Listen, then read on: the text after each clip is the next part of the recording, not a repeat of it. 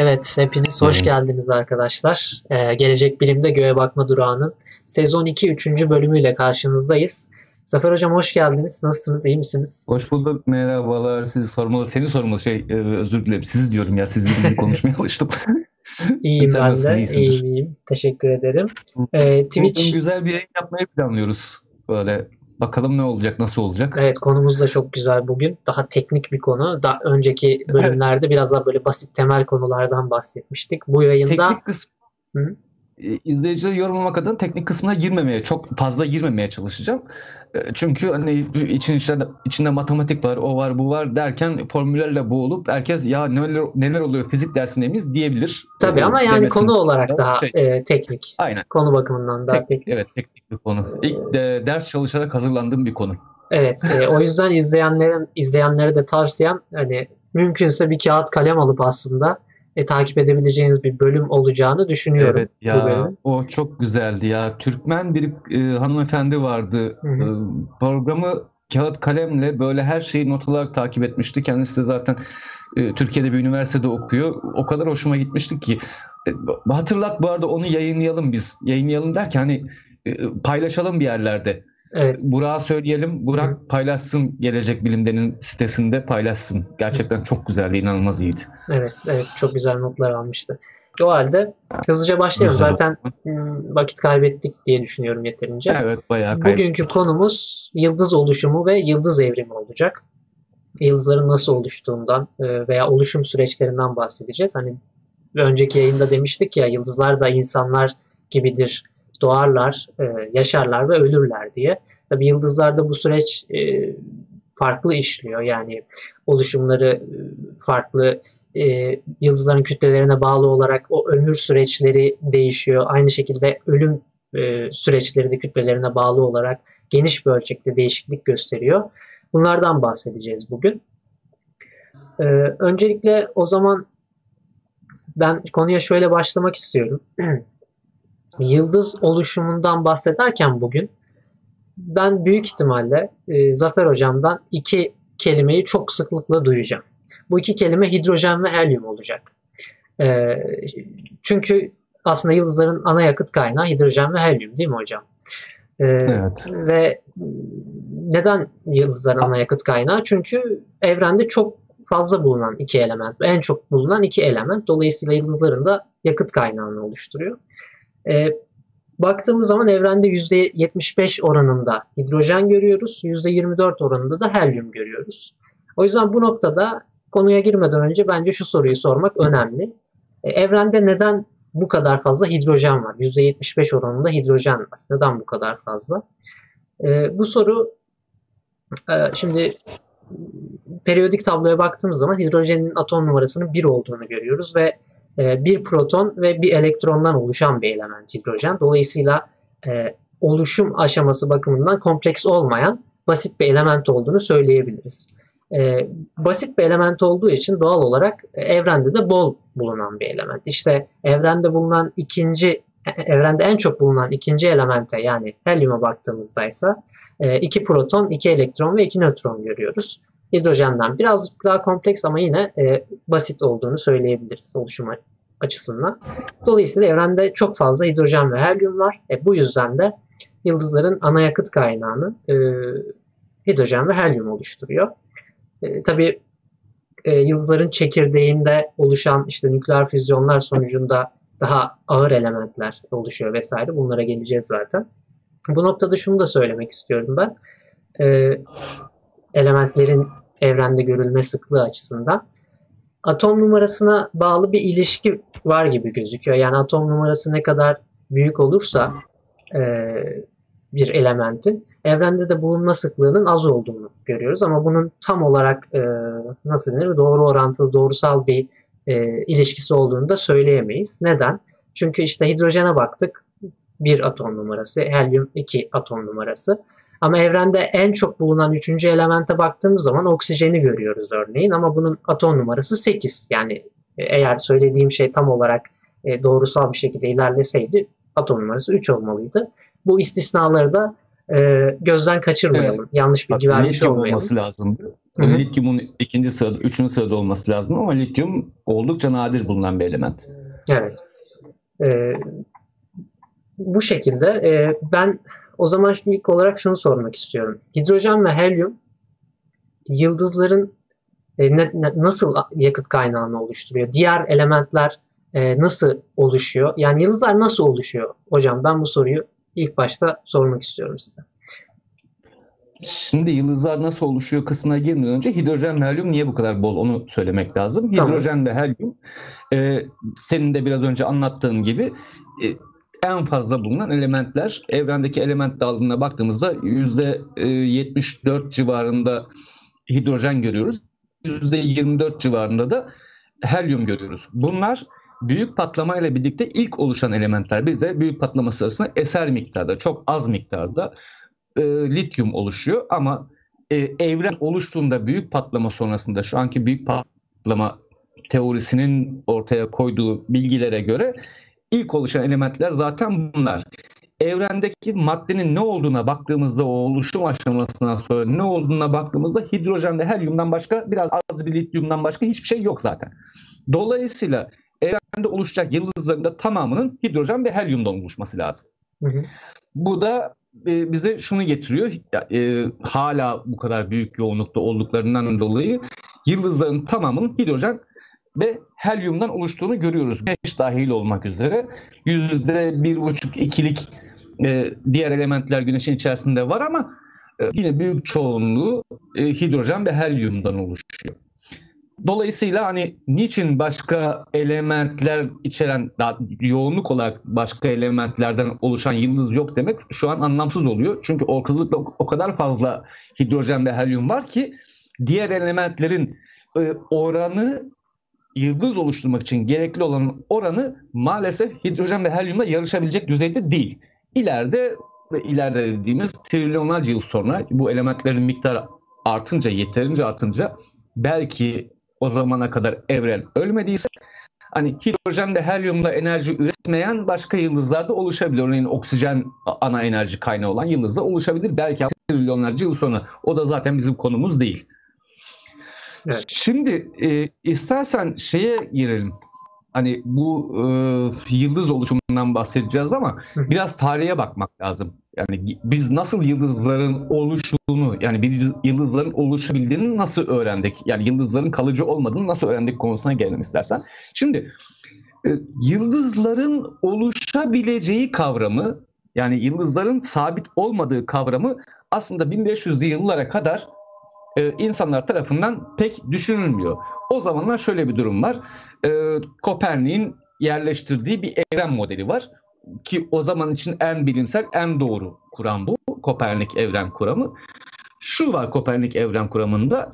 Yıldızlar, e, pardon gökyüzünde gezegenler var. Bir de yıldızlar var. Gezegenler hareketliler. O yüzden zaten gezegen diyoruz. Yani geziyorlar bunlar. Nereye geziyorlar? Arka plandaki yıldızlara göre hareket halinde olduklarından dolayı her gece farklı bir konumda göründüklerinden dolayı bunlara gezegen deniyor. Yıldızlar ise sabit. Yani her zaman tüm yıldızların mesafeleri birbirlerine aynı görünüyor. Bunlar da sabit yıldızlar deniyor. Kopernik de evrenini e, nasıl sana söyleyeyim e, şurada istersen 6 numaralı slaytı gösterebilirsin arkadaşlara. Kopernik de kendine göre e, o anki bilgilerine göre bir evren modeli oluşturuyor. Hı hı. Sol tarafta görüyorsunuz arkadaşlar eğer geldiyse. E, o evren modelinde sabit yıldızlar var. E, dünya, güneş merkezde, dünya çevresinde ve de e, yukarıda e, ge, gezen gezegenler var sırayla onları da bir yörünge yerleştirmiş. En üstte ise sabit yıldızlar var. Onlar sabitler, hiç değişmezler. Her zaman oradaydılar ve her zaman da orada kalacaklar diye görünen bir model var. Şimdi e, Thomas Digas denilen bir adam var. Bu e, 1572 yılında bir gözlem yapıyor. Aslında çoğu insan bunu gözlemliyor ama bunun üzerine düşünen tek kişi o. E, e, beşinci slayta geçelim. Beşinci slaytta şu anda e, Orion takım yıldızını göreceksiniz. Orion takım yıldızının hemen solunda Betelgeuse e, yıldızı var. Betelgeuse yıldızının biz süpernova olmasını bekliyoruz. O zamanlar süpernova denilen şeyler bilinmiyor arkadaşlar. Ne biliniyor? Gökyüzünde bazen bazı durumlarda konuk yıldızlar ortaya çıkıyor. e, konuk yıldız kavramı aslında dünya tarihinde bu e, ilk değil e, şey, Thomas Diggis'in dediği gibi değil daha önce de görülen konuk yıldızlar. Örneğin 1054 yılında Çinlilerin e, gördüğü müthiş süper, süpernova patlaması e, Yengeç Nebulası şu anda onu Yengeç Nebulası olarak biliyoruz zaten. O var konuk yıldızlar arada sırada geliyorlar. Bunlar hep konuk yıldız deniyor. Ama Thomas Diggis ilk kez şunu düşünüyor. Ya diyor burada bir yıldız yoktu. Sonra e, yavaş yavaş parlamaya başladı. Çok parlak hale geldi. Sonra da belli bir zaman geçtikten sonra günler, aylar, haftalar sonrasında bu yıldız yavaş yavaş sönükleşmeye başladı. Demek ki dedi bu sabit yıldızlar kavramı doğru değil. Yani biz bunu yanlış biliyoruz. Yıldızlar sabit değiller. Yerlerinde durmuyorlar. Zaman zaman geliyorlar. Zaman zaman demek ki bizim göremediğimiz bazı yıldızlar var. Uzakta olan. Ee, bazen de gördüğümüz e, bize yaklaştığı için gördüğümüz yıldızlar var. Buradan bir sabit yıldız kavramı e, Thomas bitti.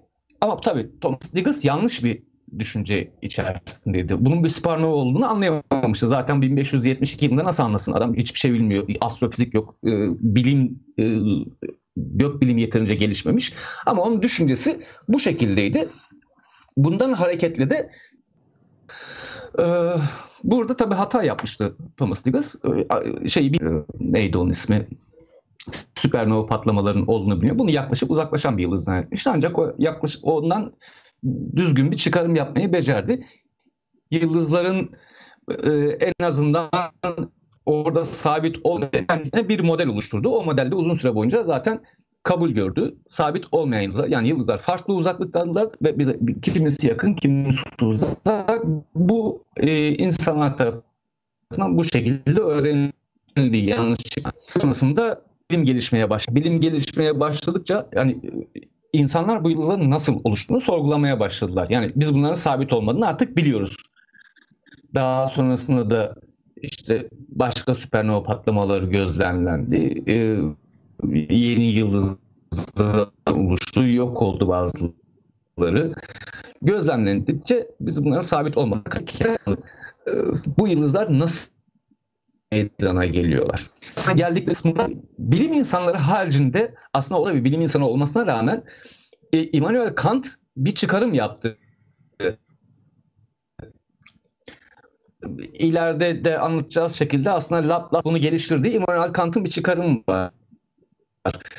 E, şeyler görülebiliyor. Hani yıldız olmayan bulanık cisimler, nebula dediğimiz cisimler görülebiliyorlar.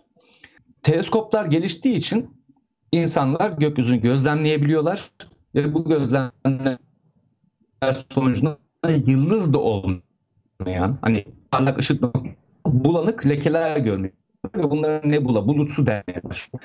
Ee, yıldızlar haricinde gökyüzünde başka cisimlerin olduğunu da öğreniyoruz. Özellikle bulutsu tarzında. Daha sonrasında bunların aslında bakılsa gaz ve toz bulutları olduğu fark edilmeye başlanıyor. Hı hı. Fark edilmeye başlandıktan sonra bilim insanları yıldızların bu e, gaz ve toz bulutlarıyla ilişkili olabilecekleri düşünülüyor. Bu arada e, William Herschel da bir gözlem yapıyor geçmişte.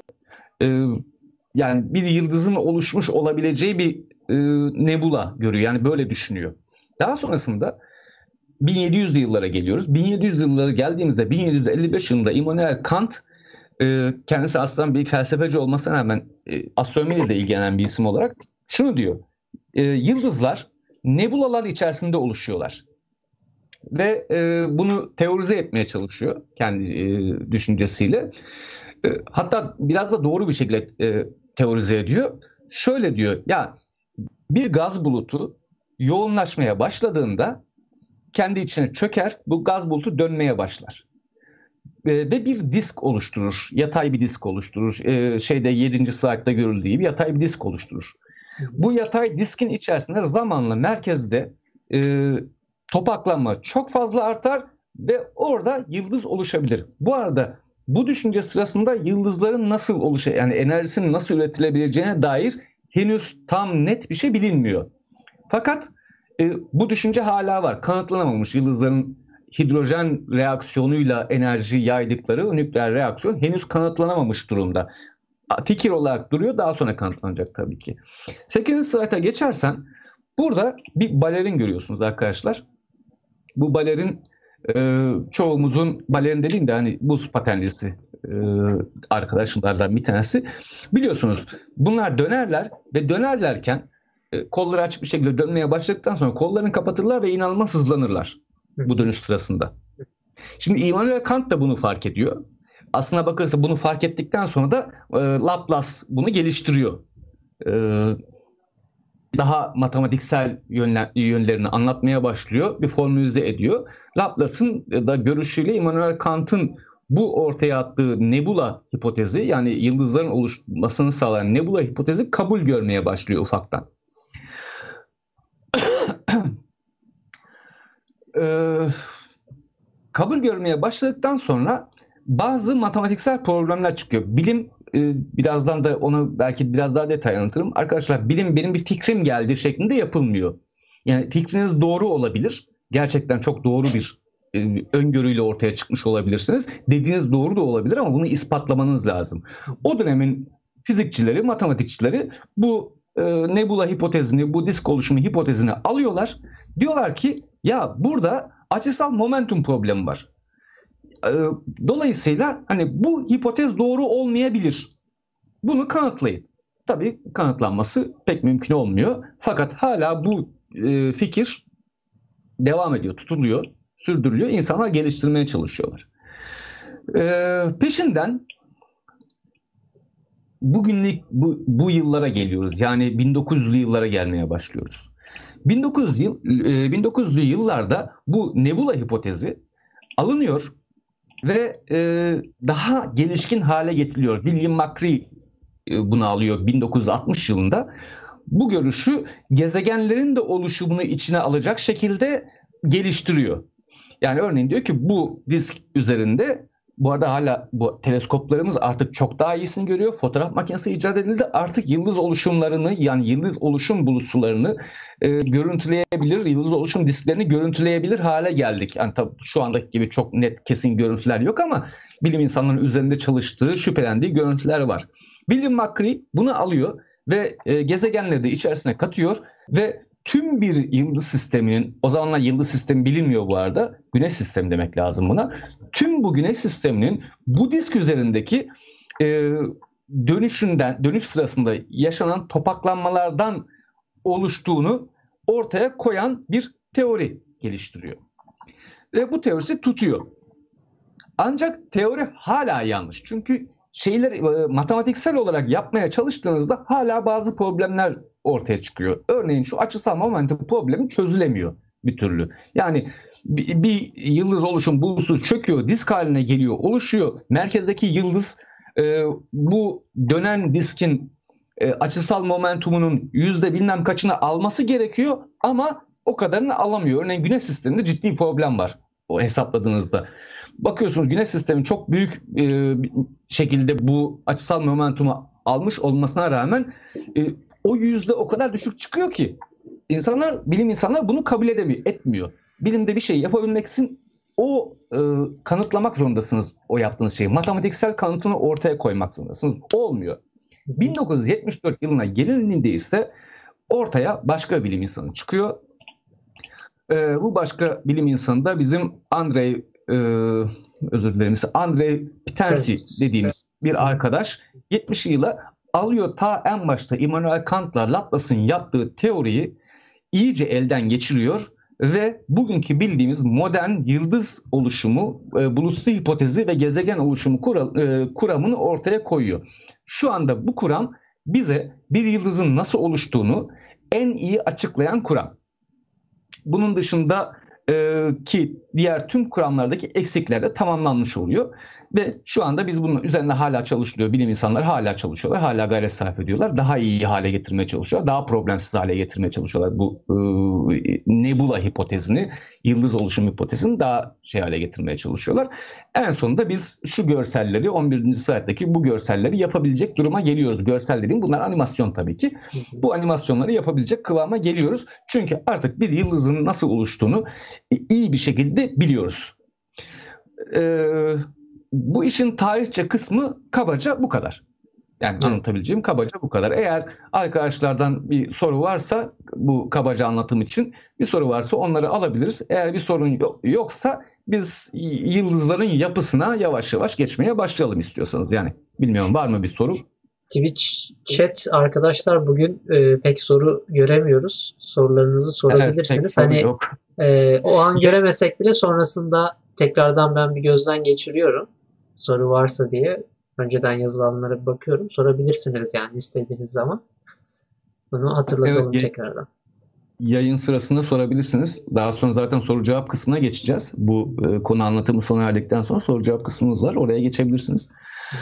Ee, galiba tarihçe kısmı bitti. Evet. O zaman e, bizim şu güneşimizle beraber başlayalım. Yıldızların yapısından söz etmeye başlayalım. Önce yapısını anlatmamız lazım. Sonra yıldız türlerine geçeceğiz. E, bu yıldızın nasıl oluştuğuna gireceğiz. Burada çünkü bazı detaylar var.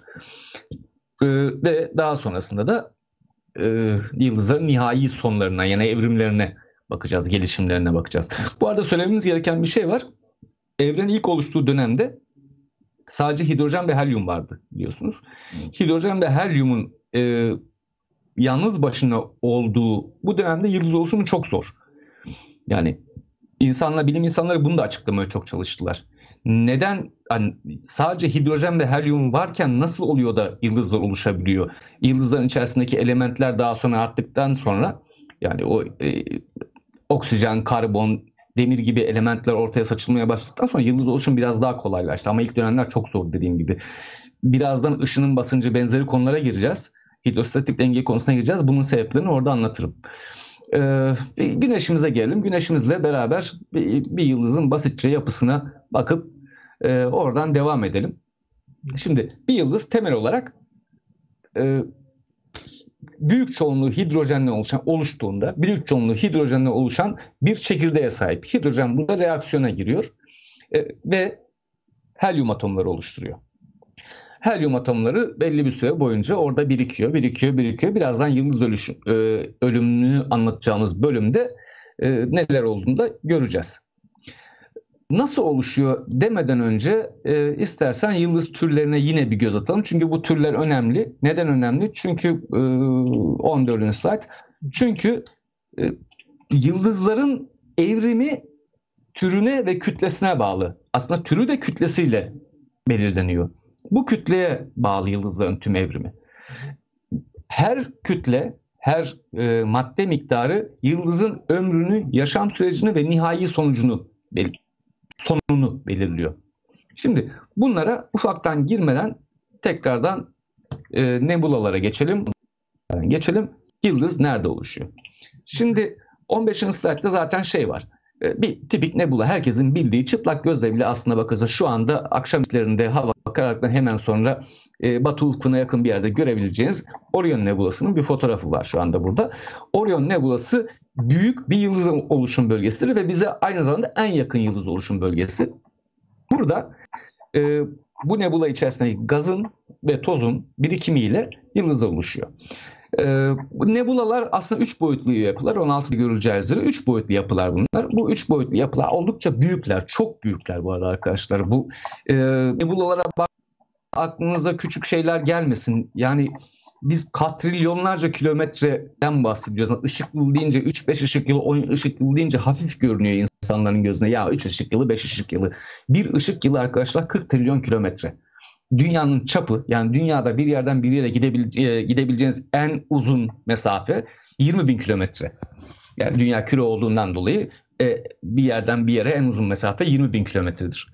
40 bin kilometre çapı e, pardon çevresi nedeniyle. E, hani 40 trilyon kilometreyi aklınızda hayal etmeye çalışın. Çok büyük yapılar bunlar. Bu büyük yapılar içerisinde yıldızlar buradaki gazın topaklanmasıyla bir araya gelmesiyle oluşuyorlar. Ve daha sonrasında da 17'de görüleceği üzere bu e, yeterince topaklanma olduktan sonra bol miktarda yıldız oluştuktan sonra yıldız kümelerini görüyoruz. Biz zaten basit bir teleskobu olan e, arkadaşlar şey yıldız kümelerini gözlemliyor da olabilirler.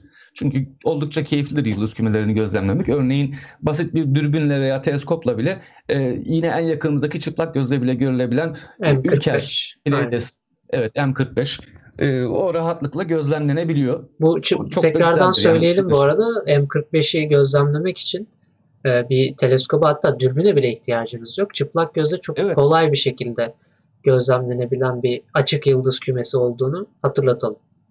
Ya özellikle zaten şey değilseniz nasıl diyeyim o ışık kirliliğine uzak bir yerdeyken yine çok güzel görünüyor. Yani insan hayran hayran bakabiliyor. Hatta ben onun hep yıldızların say gözü bozuk bir insan olarak e, hep söylenir orada yedi kız kardeş diyedir. Yani diğer isim de odur e, onun. Yedi kız kardeşten kaç tanesini sayabileceğim diye bakıyorum. E, ben zar zor kendimi de kandırarak yedi tanesini sayıyorum işte. Ama bizim Seda bir bakıyor böyle 10, 12 tane falan var diyor. Tek tek sayıyor. Nasıl bir gözü varsa artık onun. 12 tane çıplak gözle ben hiç görmedim yani en fazla 7 görebilirim sanırım Bilmiyorum ben. Seda, Seda'nın yalancısıyım. Çünkü gökyüzünde yıldız yokken bile ben hiç yıldız göremezken çevremdeki çoğu insan yıldız göremezken hava hafif kararmaya başlar ya Seda şurada yıldızlar şurada yıldızlar diye gösterir hava hafif karardığında görürüz hakikaten orada yıldız varmış biz göremiyoruz. Baya gözler, gözler Şahin gözü gibi o zaman. Kartal göz. Şahin kartal artık neyse. Şimdi e, yıldız oluşumu teorilerimizde e, Nebula'larda oluştuk dedik kendi kendimize mutlu olduk, mutmain olduk ama şöyle bir durum var. E, nebulalarda yıldız oluşumu mümkün değil. Yani arkadaşlar şaşırmış olabilirler nebulalarda yıldız oluşumu mümkün olmadığı konusunda. Şu nedenle e, mümkün değil orada yıldız oluşumu. Ya nebulalar oldukça sıcak gazlardan oluşur. Bu sıcak gazların e, çoğunluğu on binlerce, yüz binlerce hatta bazı nebulalardaki gazın sıcaklığı birkaç milyon dereceye kadar da çıkabiliyor nadiren. On binlerce, yüz binlerce derece sıcaklıktaki, santigrat derece sıcaklıktaki bu gaz yoğunlaşamaz. Yani bir araya gelip topaklaşamaz. Bu mümkün değildir. Neden mümkün değildir? Çünkü sıcak gazın e, fizik okuyanlar bilirler gaz basıncı dediğimiz bir olay var arkadaşlar. Bu gaz basıncı o sıcaklıkta o kadar hareketli moleküllerin birbirine e, elementlerin birbirine yaklaşmasını engeller. Sürekli dışa iter. Yani sıcak bir nebulada yani normal bir nebulada hiçbir şekilde yıldız oluşamaz. Yıldız madde topaklanmaya başladığında gaz basıncı artar, açılır dağılır yine orası. Yani topaklama mümkün değildir. Bu sorunun çözümünü uzun süre bulamadık. Kim buldu? 18. saatteki bizim şu arkadaş buldu. 18. slaytta bir fotoğraf görüyorsun. Hubble teleskopunun aldığı bir fotoğraf. Bunun illa Hubble olmasına gerek yok bu arada. Başka teleskoplarla da çekilebiliyor. Yeryüzünden teleskoplarla da çekilebiliyor. Çok zorlarsanız iyi bir astrofotoğrafçıysanız kendiniz amatör olarak bunları çekebilirsiniz. İyi bir makineniz varsa ve yetenekli tecrübeliyseniz çekebilirsiniz. Bunlar bok küreleri. ee, yurt dışında Borg Global diye geçer. Ee, ama biz buna Bart damlacı diyoruz. Neden Bart damlacı diyoruz? Çünkü bu ismiyle kullanıldığında arkadaşlar pek şık olmuyor. Derslerde falan söylerken okullara çok zorluk çekiyorum ama illaki söylüyorum. Jean Bart Bock dediğimiz bir arkadaş bunu keşfediyor. Bunlar şurada görmüş olduğunuz o siyah yapılar çok yoğun e, gaz birikim bölgeleri. Bunlardan her birinin içerisinde bir veya birkaç yıldız oluşuyor. Bakın bir nebula içerisinde bu. Arka planda zaten nebulanın ışıltısını görüyorsunuz o kırmızı ışıltı. Bir nebula içerisinde ama burada o kadar büyük yoğunlaşmalar var ki e, arkasından gelen o ışığı, yıldız ışıklarını falan absorbe ettiğinden dolayı siyah görünüyor bize. Çok yoğun gaz bulutları bunlar. Çok yoğun derken işte santimetre küp başına e, metreküp diyelim daha iyi olur. Metreküp başına işte 50, 100 bazen 200 atomun düştüğü noktalar. Bu arada e, 50, 100, 200 atom çok değildir ama hani bir yıldız oluşum e, için yoğundur. 1 metreküp e, bizim atmosferimizdeki 1 metreküp havada e, nasıl diyeyim trilyonlarca atom var. Trilyonlar vardır evet yani bunu atmıyorum şu anda. Geçenlerde bakmıştım ezberlemeye çalıştım arkadaşlar. Ben her şeyi ezberleyemiyorum. Ee, o rakam vardı. Hatta birkaç kilo ağırlığındadır o da. Ee, olmuyor. Bunu keşfediyor. Bunlar soğuklar. Çok soğuklar bu Bart küreleri, Bart damlacıkları. Bok küreleri diyeyim. Eksi 243 santigrat derece evet. kadar soğuklar. Sadece evet sadece birkaç Kelvin, 3-5 Kelvin sıcaklığında bunlar. 3-5 Kelvin çok soğuktur demek. Yani olabilecek e, mutlak sıfıra çok yakın birkaç e, Kelvin üzerindeki alanlar. Bu alanlarda gaz basıncı çok daha e, düşük olduğundan dolayı yani gazın kendini dışa itki e, çabası çok daha düşük olduğundan dolayı bu yıldızlar buralarda oluşuyor. Yani biz bizler bile e, kendinizi şöyle düşünün. Bir zamanlar bir bok küresinin içerisinde atom parçacıklarıydık. Oradan bugünlere kadar geldik yıldız, yıldızımız güneş oluştuktan sonra. Bu oluşum buralarda gerçekleşiyor. Ee, dediğim gibi soğuktan dolayı e, gerçekleşiyor ve nihayetinde bir yıldız oluşuyor. Şimdi e, hidrostatik denge dediğimiz bir mevzu var. Ona gelelim. Çok mu hızlı gidiyoruz bu arada arkadaşlar? Bence iyi gidiyor ya. Tempolu biraz e, ama akıcı oluyor. Benim gözlemlediğim kadarıyla iyi. Twitch chatten bugün çok ses gelmiyor. O yüzden çok yorum alamıyorum. E, Evet, herkes- Yazabilirsiniz arkadaşlar.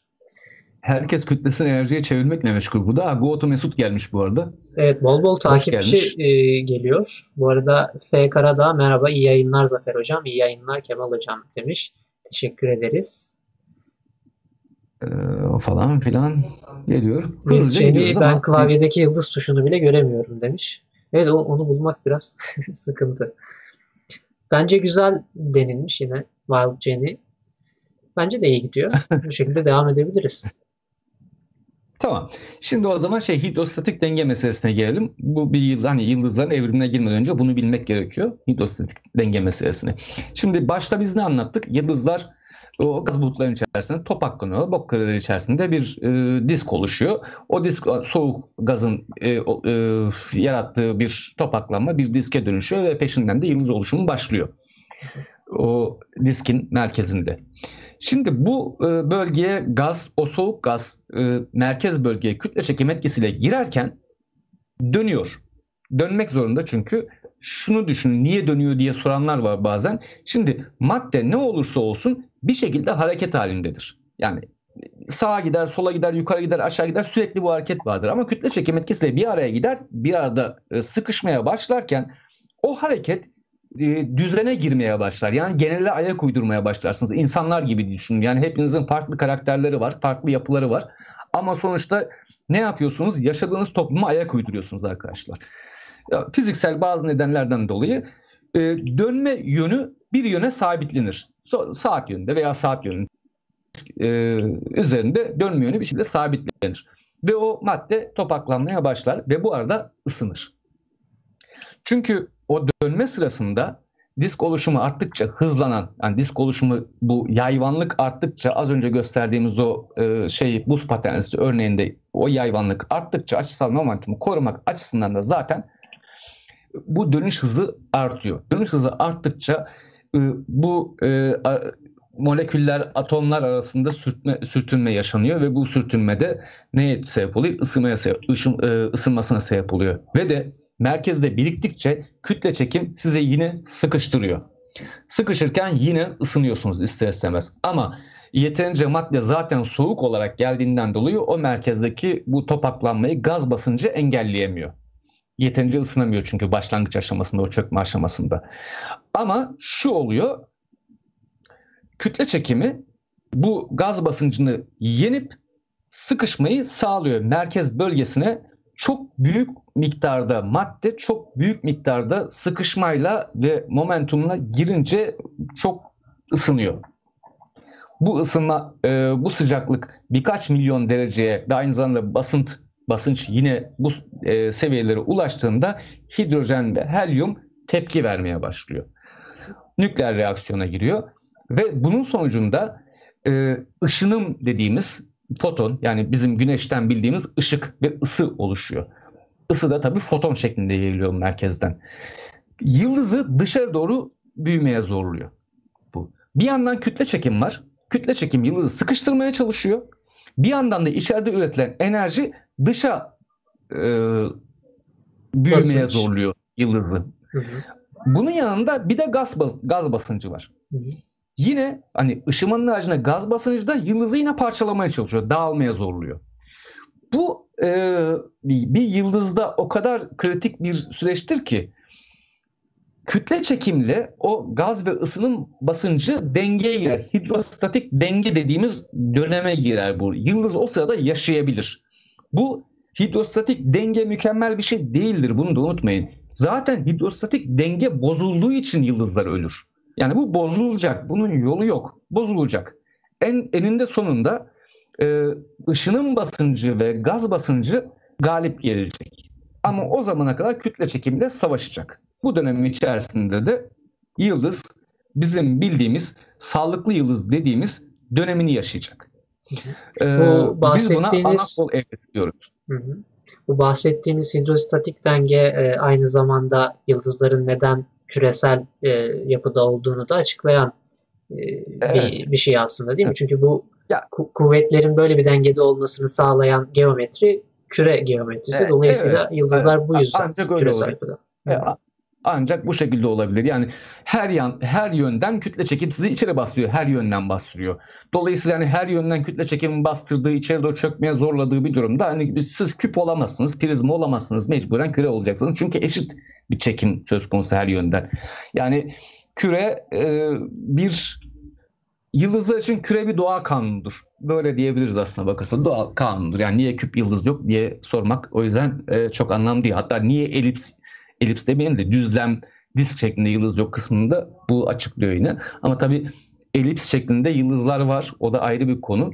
Çünkü yıldızların dönme hızı söz konusu. Yeterince hızlı dönen bir yıldız e, tam küre değil e, böyle ekvatorundan yani dönüş e, ekseninden şişkin bir hale, eliptik bir hale gelebiliyor. Yumurtaya benzeyebiliyor bazı yıldızlar. Bununla ilgili ne diyebilirim? Vega öyleydi galiba. Vega biraz yumurta, Vega mıydı? Tam olarak da emin değilim.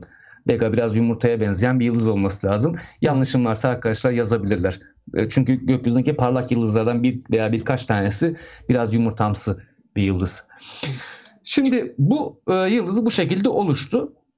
Tabii bu arada Ve, e, hidrostatik dengenin sadece yıldızlar özelinde olmadığını da e, not düşelim. Gezegenler de aynı şekilde hidrostatik dengeye sahip oldukları için küresel yapıda görüyoruz onları. Bunu not olarak eklemiş Özellikle olalım. Ga- gaz devi gezegenler. Hani karasal gezegenlerde pek bu söz konusu değil. Çünkü zaten kütle çekimle beraber birleşiyorlar. Dışarı iten bir basınç yok ama gaz devi gezegenlerde bu söz konusu. Gaz devi gezegenler sürekli dışarı doğru itiriyorlar. Kütle çekim çekiyor. Örneğin Jüpiter, Satürn, Neptün e, bunlarda böyle bir savaş mevcut. Ama evet. onlarda bu bozulmayacak. Neden hani hidrostatik denge niçin bozulmayacak onlarda?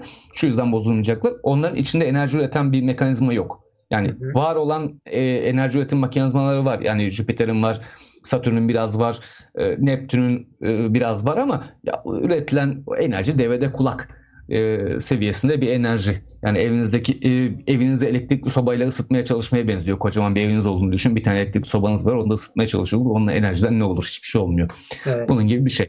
Ee, Şimdi bu arada Luftman Mesut e, evet Vega'da Jüpiter gibi ekvatordan basık demiş sizin söylediğinize. Ya, yayık. E, yayık. Kutuplardan basık, ekvatordan e, yayık. E, ekvatordan yayık oluyor doğru. E, Bilal Yıldızlı ağ hatası bende bir genel. Şu an yayın devam ediyor. Ben bakabiliyorum buradan. Ama bir sıkıntı yok şu anda. Onu da yazayım chat'e hemen.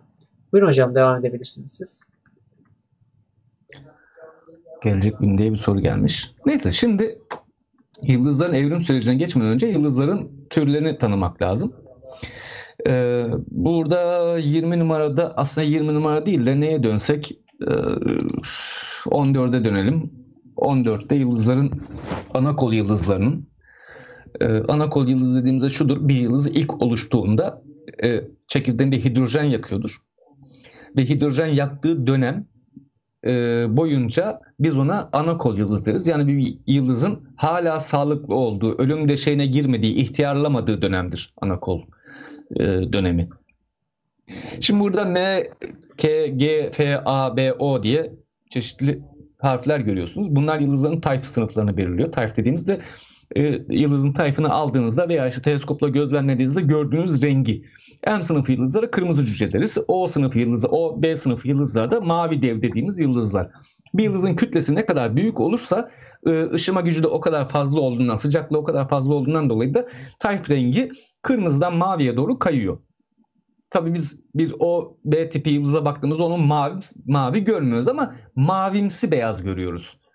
Ee, M tipi bir yıldıza baktığımızda onu kırmızı görmüyoruz kırmızı cüce denmesine rağmen ama hani kırmızıya yakın bir e, sarımsı renkte görüyoruz. Kırmızıyı andıran renkte görüyoruz. Şey gibi Galatasaraylı olanlar var mı aranızda ya? Ben takım Yayında vardır. Yani ne güzel ben de tutmam zaten yani. Neyse ben Bursa Spor'um. Neyse şey var. Ha doğru Bursa ee, Galatasaray'ın tüzüğünde renkleri vardır. Renklerin tanımları sarı e, sarı kırmızıdır. Da, sarı kırmızı falan değil Galatasaray'ın rengi. Kim Galatasaraylılar da şey yapmasınlar. Ben hepsinden daha iyi Galatasaray'ın ne olduğunu biliyorum. Tüzüğüne bakarsanız tüzüğünde renk, sarı renk şu şekilde tanımlanır. Turuncudan iz taşıyan tok bir sarı. Galatasaray'ın rengi budur. Galatasaraylı arkadaşlar. Turuncudan iz taşıyan tok bir sarıdır tüzükteki rengi. E, M sınıfı yıldızları da K sınıfı yıldızları da öyle kırmızı değil, e, turuncu değil, işte turuncudan iz taşıyan tok bir sarı gibi görürsünüz. E, güneş öyle değildir. Güneş sarı devdir, e, sarı e, cücedir. O şekilde değildir. O şekilde sınıflandıramayız onu. Ve de burada şu var e, ikinci olarak. Hani yıldızın kütlesi arttıkça e, ışıma gücü ve e, rengi kırmızıdan maviye kayıyor, e, sıcaklığı artıyor. Aynı zamanda da kütlesi büyüdükçe yıldızın ömrü düşüyor. Hem de dramatik, çok dramatik bir şekilde düşüyor. Nasıl dramatik bir şekilde düşüyor? Önce size şeyi söyleyeyim isterseniz. Şimdi biz her şeyi güneşle kıyaslıyoruz tüm yıldızları. Hani güneşi bir kabul ediyoruz. Diğer yıldızları kütlelerini derken bir buçuk güneş kütlesi, iki güneş kütlesi, üç güneş kütlesi veya işte yüzde elli güneş kütlesi, e, yüzde yirmi beş güneş kütlesi falan diyoruz. Şimdi e, güneşin yaydığı enerjiyi biz bir kabul edersek bir buçuk güneş kütlesine sahip bir yıldızın ürettiği enerji güneşin bir buçuk katı değil. Yedi katı enerji yayıyor çevresine. Yani yedi kat daha fazla ısıtıyor çevresindeki gezegenleri. Güneşin dört katı bir e, yıldız düşünün. Kütlesi dört katı olan yıldız düşünün. Bunun da yaydığı enerji güneşin 180 katı. Bu devam eder. İşte 10 katı olursa diyelim şey yapalım 10 kat diyelim 20 bin kat ışıma gücünüz olur. 20 ee, kat yüksek diyelim güneşin kütlesinden bu durumda 150 bin kat daha fazla ışıma yayar. Böyle bu devam eder. Bunu benzetin diğer daha küçük yıldızlara e, uyarlamazsa uyarlayalım. Şimdi bir yıldız güneşin %80'i kadar diyelim kütlesi. Yani kütleye ağırlık olarak düşünün. Ee, şey değildir aynı şey değildir ama ağırlık olarak düşünün. Ee, %80'e kadarsa güneşin yaydığının sadece %35'i enerji yayabiliyor ve ışık yayabiliyor bu yıldız. Yarısı kadar %50 güneş kitlesini düşünürsen de ne oluyor? Güneşin yaydığının en fazla %5'ini yayabiliyor bu yıldız. Hani çeyre güneşin çeyreği %25'i kadar e, bir yıldız düşünelim. Çünkü çoğu kırmızı cüce güneşin %25-30'u kadardır. Güneşin yaydığının sadece %1'ini yayar ışımı olarak. Güneşin e, yüzde sekizi kadar, dokuzu kadar yıldızlar, onu kadar yıldızları vardır. Artık bu durumda biz hani yüzdelikler o kadar şey düşüyor ki binde, e, on binde biri, işte on binde ikisi kadar e, ışık yaymaya başlıyorlar güneşin. Ancak bu onlara şunu sağlıyor.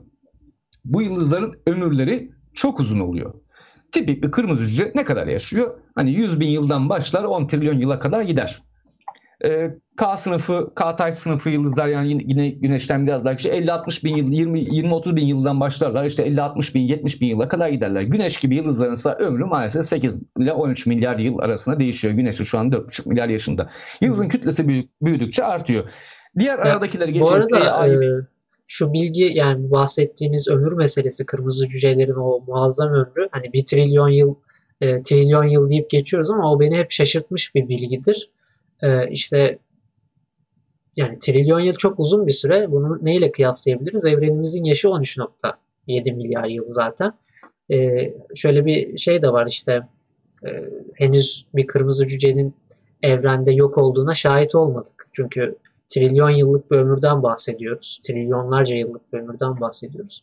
Bu noktada bu yıldızların ömrünün ne kadar büyük olduğunu da böyle birazcık kavrayabiliriz diye düşünüyorum ya da insanlar e, izleyiciler şöyle yapsınlar. Kendi ömür süreçlerinden düşünsünler. Yani bu, e, yaşınızı düşünün. Ondan sonra yaşayabileceğiniz süreyi düşünün. Bir de en kısa birazdan şimdi söyleyeceğim en kısa ömürlü yıldızın e, hayat süresini düşünün. O ve B tipi yıldızlar.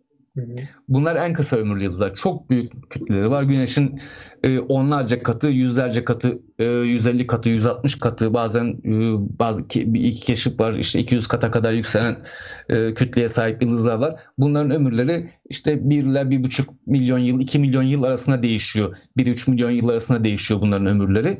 Yani şimdi bu e, kısa ömürlü yıldız diyoruz buna mesela. Ama o kısa ömürlü, hızlı yaşayıp genç ölen yıldızın ömrü ya sizin ömrünüzden muazzam miktarda fazla. Ya bizler burada 80-90 yıl, şanslı olanlar 100 yıl yaşayacaklar. Hepimiz ölüp gideceğiz ama o yıldız bizim gibi, o kısa ömürlü yıldız bizim gibi ne nesiller devirecek, orada kalacak. Böyle devam edecek bu iş. Evet. Şimdi sen dersem e, yıldızların ömür e, süreçleri anlaşıldı. E, zaten o 20. saatte bunu hemen hemen her yayında galiba bu çıkıyor bir şekilde. Bu saati göstermek zorunda kalıyorum. Hani yıldızların e, kütlelerine göre evrendeki var olma sayılarını örnekledim. Bunu ben 8 yıl önce yapmıştım bunu.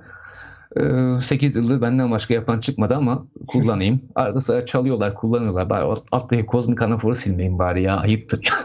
Bunu da siliyorlar, siliyorlar, kullanıyorlar.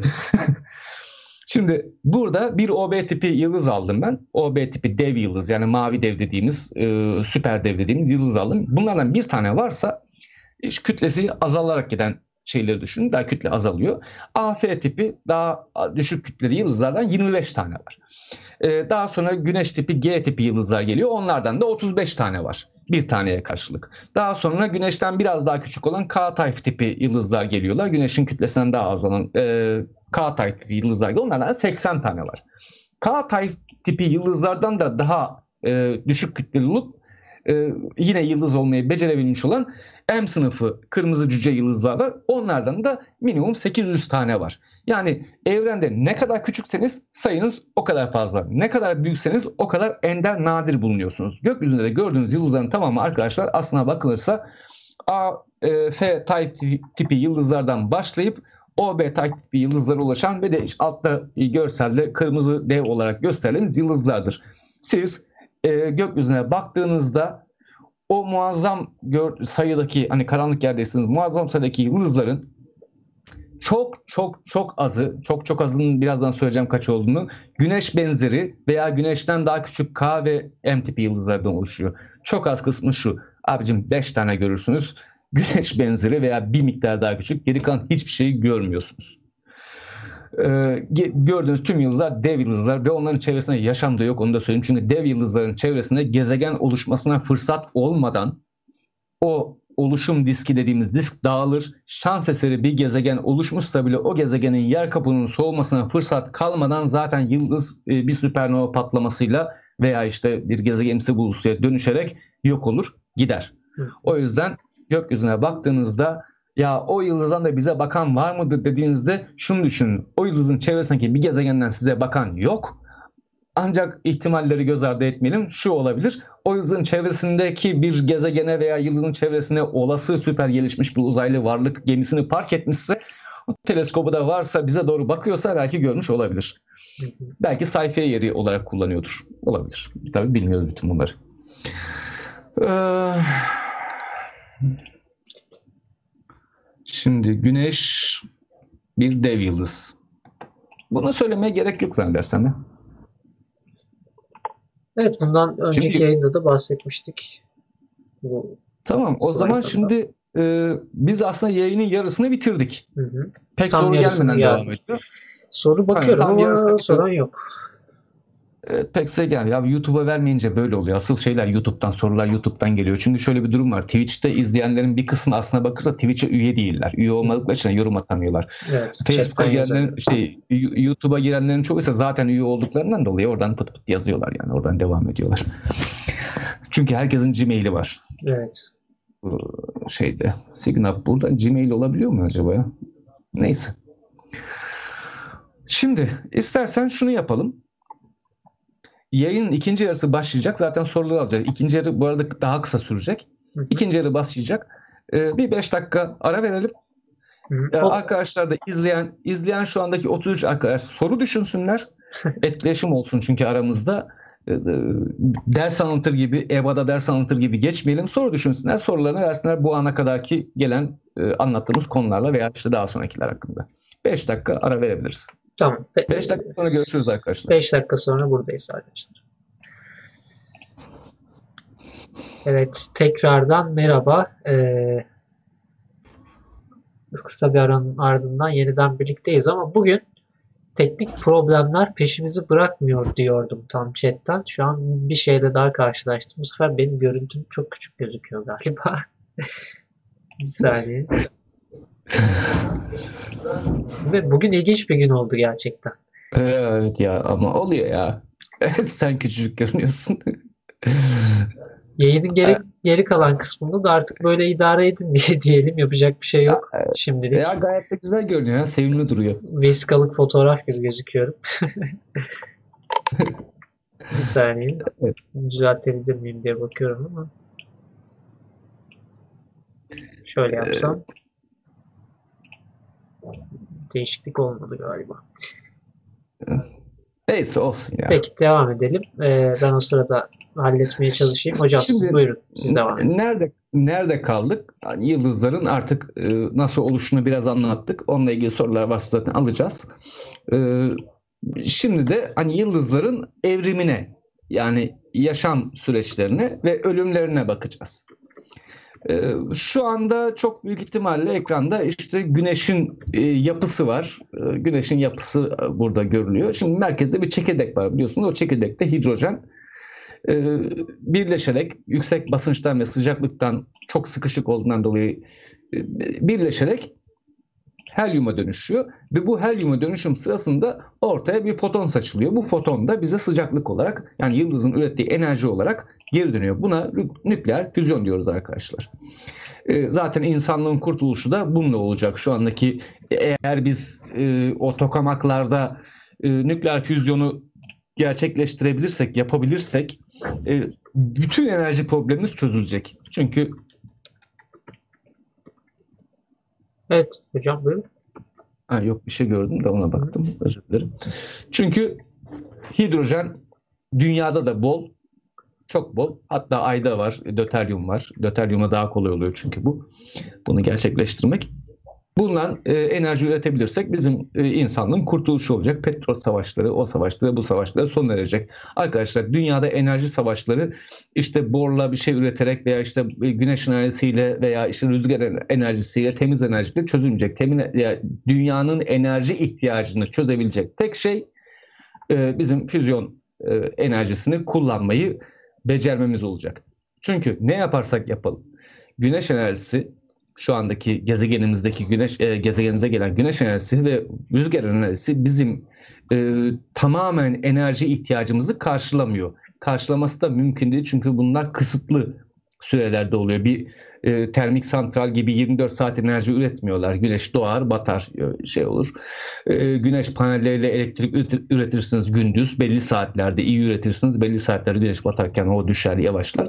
E, tek kurtuluşumuz e, yıldızların içindeki enerji üretimini taklit edebilmek. Yani e, her zaman söylenir ya işte borla şu yapılacak şu ya petrol savaşları bitecek bitmeyecek arkadaşlar öyle bir şey yok. İnsanlık ve devletler acımasızdır maalesef. Yani çünkü devletleri organik bir varlık olarak, yaşayan bir varlık olarak düşünün. Hayatta kalabilmek için rekabet etmek zorunda. Bir şeyleri ele geçirmek zorunda, elde etmek zorunda. Bu e, füzyonu bulduktan sonra bu çok büyük oranda ortadan kalkacaktır. Ondan sonra başka savaşlar çıkar. Merak etmeyin. Su savaşları çıkar, yiyecek savaşları çıkar, benzeri şeyler çıkar. Neyse. Şimdi Güneşin merkezinde bu oluşuyor. Ee, ama bu yıldızların kütlesine göre kütleyi biraz önce anlattık. Kütlesine göre yıldızın farklı bir evrim süreci geçirmesine neden oluyor.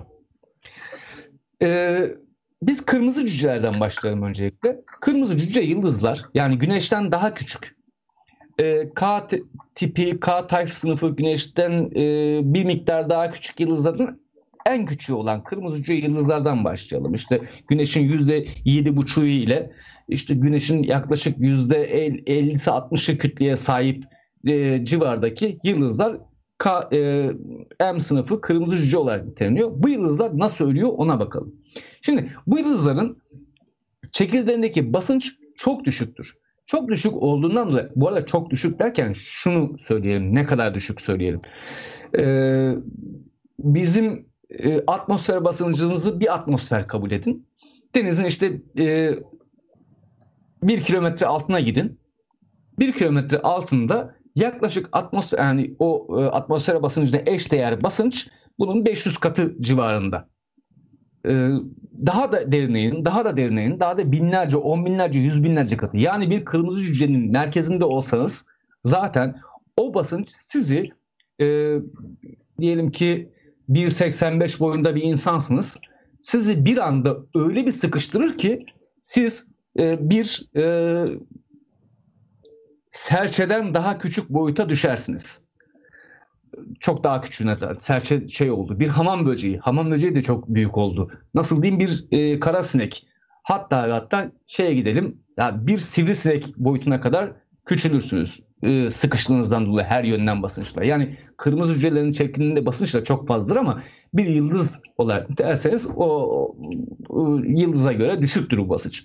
Bu basınç o yıldızın merkezindeki hidrojen bittiğinde helyumu e, daha büyük bir atom olan e, iki proton, iki nötrondan oluşan, iki elektrondan oluşan daha büyük bir atom olan helyumu birleştirip e, oksijene çevirmeye e, yetmez. Kar, karbona çevirmeye yetmez. Yani bir kırmızı cücenin merkezinde hidrojen bittiğinde o kırmızı cüce artık enerji üretemez duruma gelir. Enerji üretemez duruma gelince ne olur? Bu yıldız e, kütlesi zaten oldukça büyük olduğundan dolayı devasa bir kütle. Bu arada yani ne kadar büyük bir kütle? Şöyle düşünün. Bir kırmızı cücenin en küçüğü en küçüğünden bahsediyorum bir kırmızı yıldızın en küçüğü bizim devasa dediğimiz içine e, yüz binlerce pardon kütlesi e, dünyanın 380 katı olan Jüpiter dev Jüpiter gezegeninden bile en az 80 kat daha büyük kütleye sahiptir. Yani Jüpiter'i 80 ile çarpacaksınız. Bir tane en küçük kırmızı cüce yıldız yapabilirsiniz ancak. Bu noktaya geldiğinde bu yıldız artık çekirdeğindeki hidrojen bittiğinde birkaç trilyon yıl sonra bittiğinde bu yıldız enerji üretemez hale gelir ve enerji üretemediği için de e, yavaş yavaş soğumaya başlar. Bu soğuma çok uzun sürer. Yani e, nasıl diyeyim birkaç milyar yıl sürer. Birkaç milyar yıl içerisinde bu yıldız yavaş yavaş o parlaklığını usul usul usul yitirmeye başlar. Bir anda bitmez yani. Evrende hiçbir şey bir anda olmaz arkadaşlar. Evrende olan ve gökbilimcilerin kısa dediği e, süreler aslına bakılsa milyonlarca, milyarlarca yıldır. Yani ama e, evren ölçeklerinde bu kısa olarak nitelenilir. Bu milyonlarca, yüz milyonlarca yıl içerisinde bu yavaş yavaş yavaş yavaş yavaş soğur. Ve bizim kahverengi cüce dediğimiz e, şu anda hani başarısız yıldız olarak nitelenen yani yıldız olacak kütlesi olmayan yıldız olacak kütlesi olmadığı için sadece sıkıştığı sıkıştığından dolayı belli miktar ısınmış ve hafif böyle 1000-2000 santigrat derecelik yüzey sıcaklığına ulaşmış ve biraz parlayan e, başarısız yıldızların durumuna düşer bu kahverengi e, M sınıfı yıldızımız.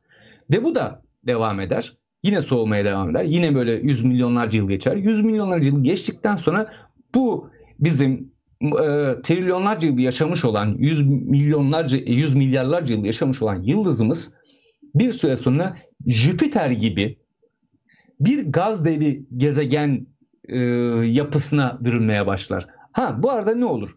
İçeride enerji üretimi durduğundan dolayı ışının basıncı yani o hidrostatik dengeyi sağlayan ışının basıncı zaten bitmiştir. Yani bu gezegeni büzüş, e, gezegen diyorum özür dilerim. Yıldızı büzüştürür.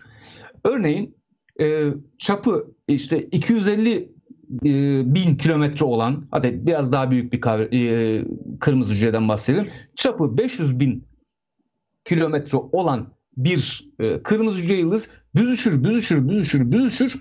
Çapı işte 100 bin kilometreye kadar 50 bin kilometreye kadar düşer. Yani aslında o yıldız bir gaz devine dönüşür. Çünkü hala çok büyük oranda hidrojen ve helyumla oluşuyordur. Bakın şunu unutmayın. Enerji yıldızın çekirdeğinde üretilir.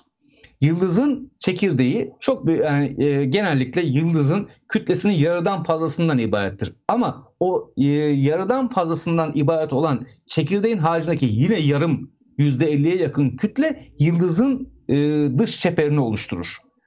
Yani bu yıldız küçülür, küçülür, küçülür, küçülür. Jüpiter gibi bir gaz devine, Jüpiter'in tabii çok daha büyük bir gaz devine dönüşür ve yavaş yavaş yavaş soğuyarak gözden kaybolmaya başlar. Belli bir süre e, yeterince soğuyunca e, artık görünür ışık dalga boyunda yayın yapamaz. Ya, yayın diyorum ya her şeyi yayın diyoruz. Işıma yapamaz. E, ve en sonunda da Aa, çok güzel. Ve en sonunda da artık sadece kızıl ötesinde e, görülmeye başlar ve onun da devamında kızıl ötesinde de görünemez, soğur ve bir kara cüce dediğimiz yapıya dönüşür. Bu kara cüce e, kırmızı cüce yıldızların ve de K tipi düşük kütleli yani K tiplerinin en düşük kütleli olan yıldızların nihai sonudur. Kara cüce olarak gider ömürleri de bundan sonraki evren sona erene kadar artık ne kadar süre sona erer bilmiyoruz. Kat, belki trilyonlarca yıl, onla, onlarca yüzlerce trilyon yıl, yıl sonra bir kara olarak evren nihayetlendiğinde artık dağılma süreci de olacaksa eğer bilmiyoruz. Biter, yok olur. Ama iş e, güneş benzeri veya işte K tipi yıldızlara geldiğinde bir miktar değişiyor. Nasıl değişiyor? Şimdi e, şeye gelelim 22. Hmm, slayta bir uğrayalım.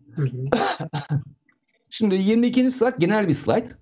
Bize e, yıldızların merkezindeki e, bu bir dev yıldız vardı onu da söyleyeyim. Bir OB tipi yıldız olarak düşünün bunu. Bu arada e, küçük bir duyuru yapacağım. E, bunu size yapmıyorum arkadaşlar, izleyicilere yapmıyorum. E, yan taraftaki eşime yapıyorum. Burcu bana e, bir şarj cihazı veya işte power bank ve benim kablomu getirir misin? Teknik ee, problemler çünkü, devam ediyor. cep telefonundan yapıyorum çünkü yeni ve çok hızlı bitti. Şimdi 22'de şey görüyorsunuz bir yıldızın e, nasıl e, çekirdeğindeki maddeyi yaktığını görüyoruz. Şimdi yıldızın çekirdeğinde bu hidrojen güneş benzeri ve K tipi yıldızlar, güneş benzeri yıldızlar ve F tipi, A tipi yıldızlardan bahsediyoruz bu arada. F, A, e, Tay sınıfı, e, G sınıfı ve K sınıfı yıldızlardan bahsediyoruz. Şimdi bunlarda hidrojen biter. Ama kütleleri yeterli düzeyde olduğu için yani belli bir yeterlik seviyesine sahip olduğu için merkezlerindeki basınç öyle bir noktaya gelir ki e, yıldızın merkezindeki o birikmiş olan yani hidrojenin e, birleşip oluşturduğu helyum biriken helyum alev alır. Yani nükleer reaksiyona başlar. Bu nükleer reaksiyon yıldızda dramatik değişimlere sebep olur. Şimdi öncelikle şunu söylemek gerekiyor. Ee, Şimdi e, şey var e, hidrojeni e, bitirdikten sonra helyum yakmaya başlıyor ve o helyum kütle yeterli olduğu için helyum parlamasına sebep oluyor ve çok daha büyük bir enerji ortaya çıkıyor. Güneş benzeri e, yıldızlarda, A sınıfı yıldızlarda, e, T sınıfı yıldızlarda ve de e, K sınıfı yıldızların büyük kütleli olanlarında bu ortaya çıkıyor. Bu ortaya çıkınca da e, e, yıldız eskisine oranla çok daha parlak e, çok daha fazla enerji üreten bir yıldız haline geliyor. Bu da bir bozulmaya sebep oluyor. Başta söylediğimiz hidrostatik dengede küçük bir bozukluğa sebep oluyor. E, kütle çekim yenik düşüyor. Işının basıncına ve de aynı zamanda gaz basıncına yenik düşüyor. Çünkü çok daha fazla ısınan gaz yıldızın dış çeperlerini çekirdek hariç dış çeperlerini daha fazla öteliyor ve yıldız büyüyor. Işının basıncı da aynı şeyi yapıyor. Yıldız büyüyor. Dev bir hale geliyor.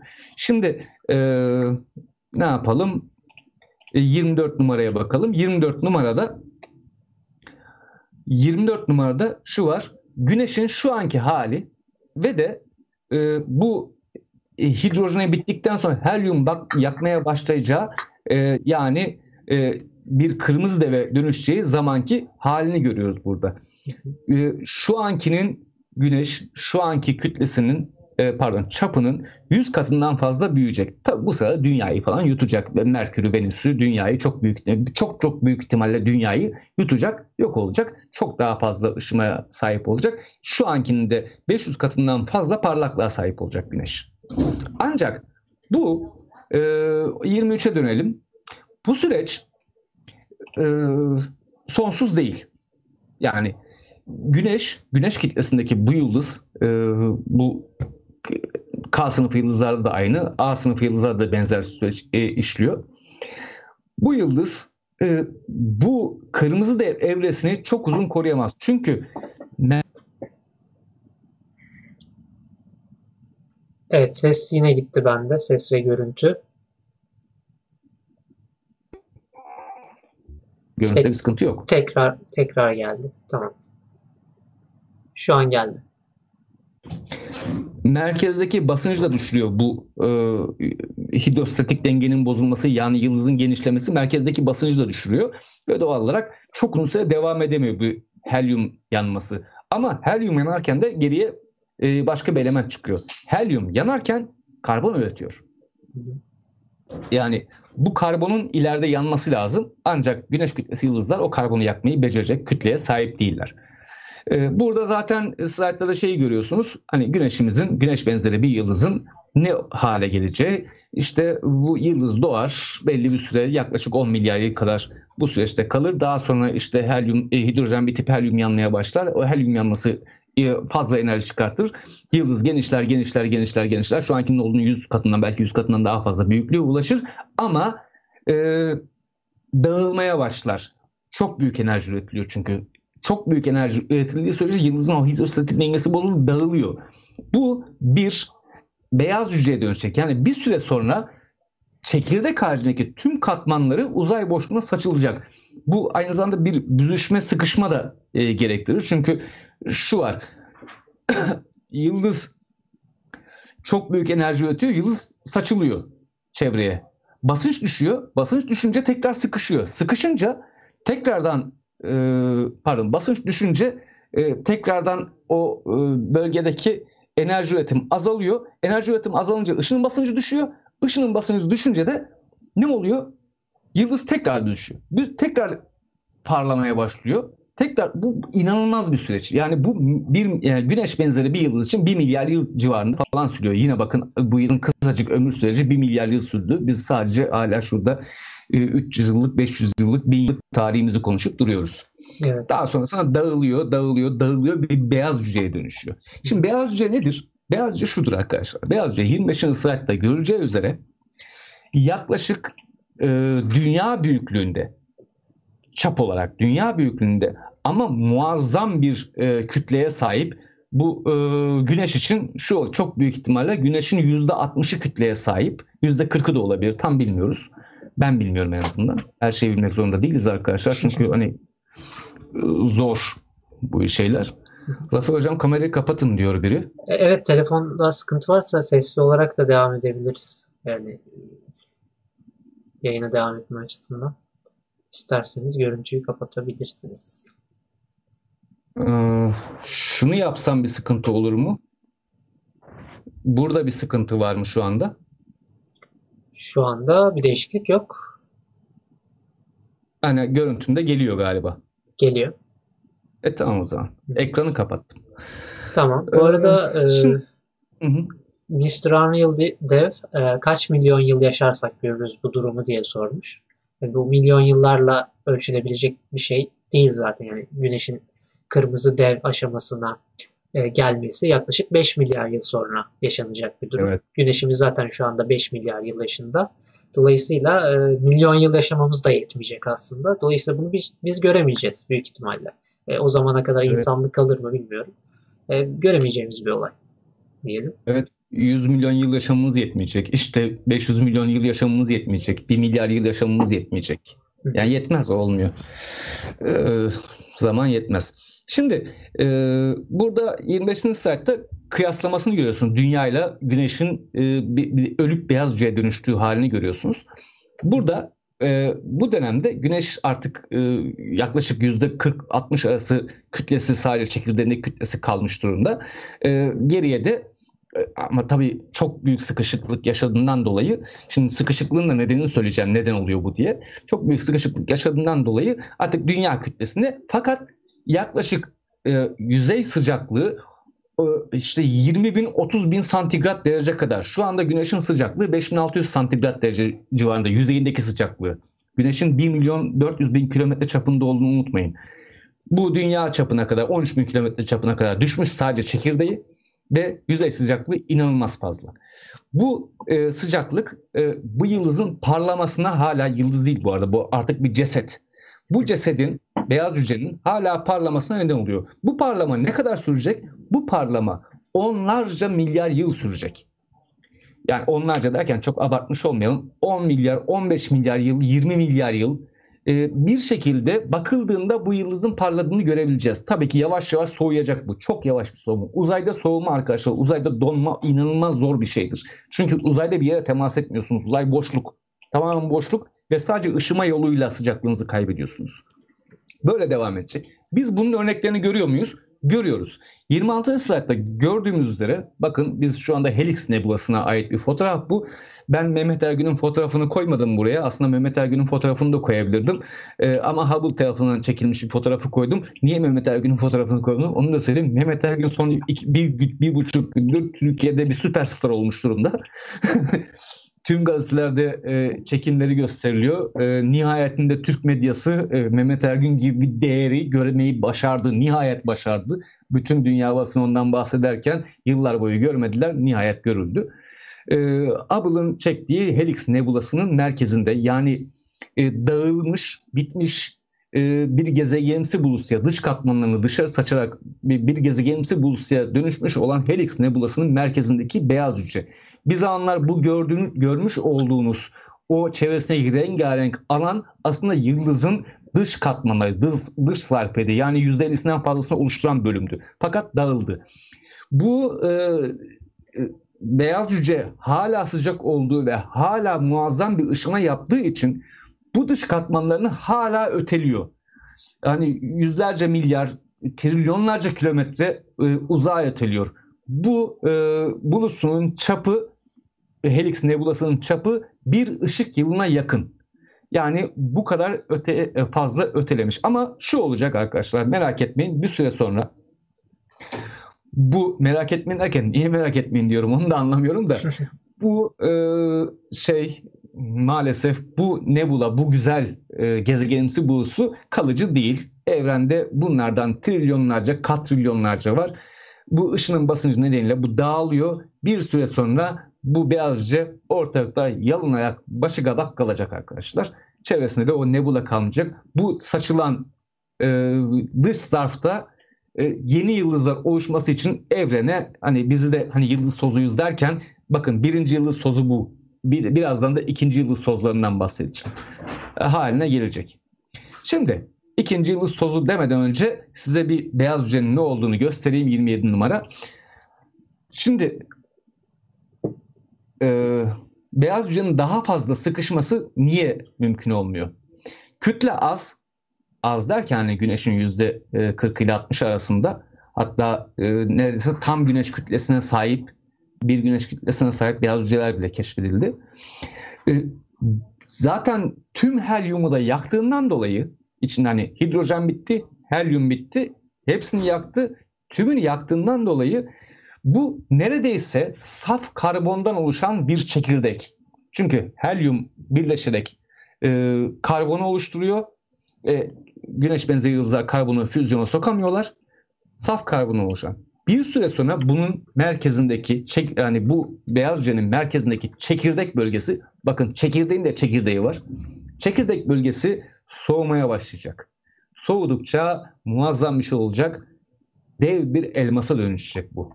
Ki dönüşüyor da zaten. Ee, gözlemlerde e, zaten gözlemler değil bildiğimiz şeyler. Biz elmasın nasıl oluşunu biliyoruz.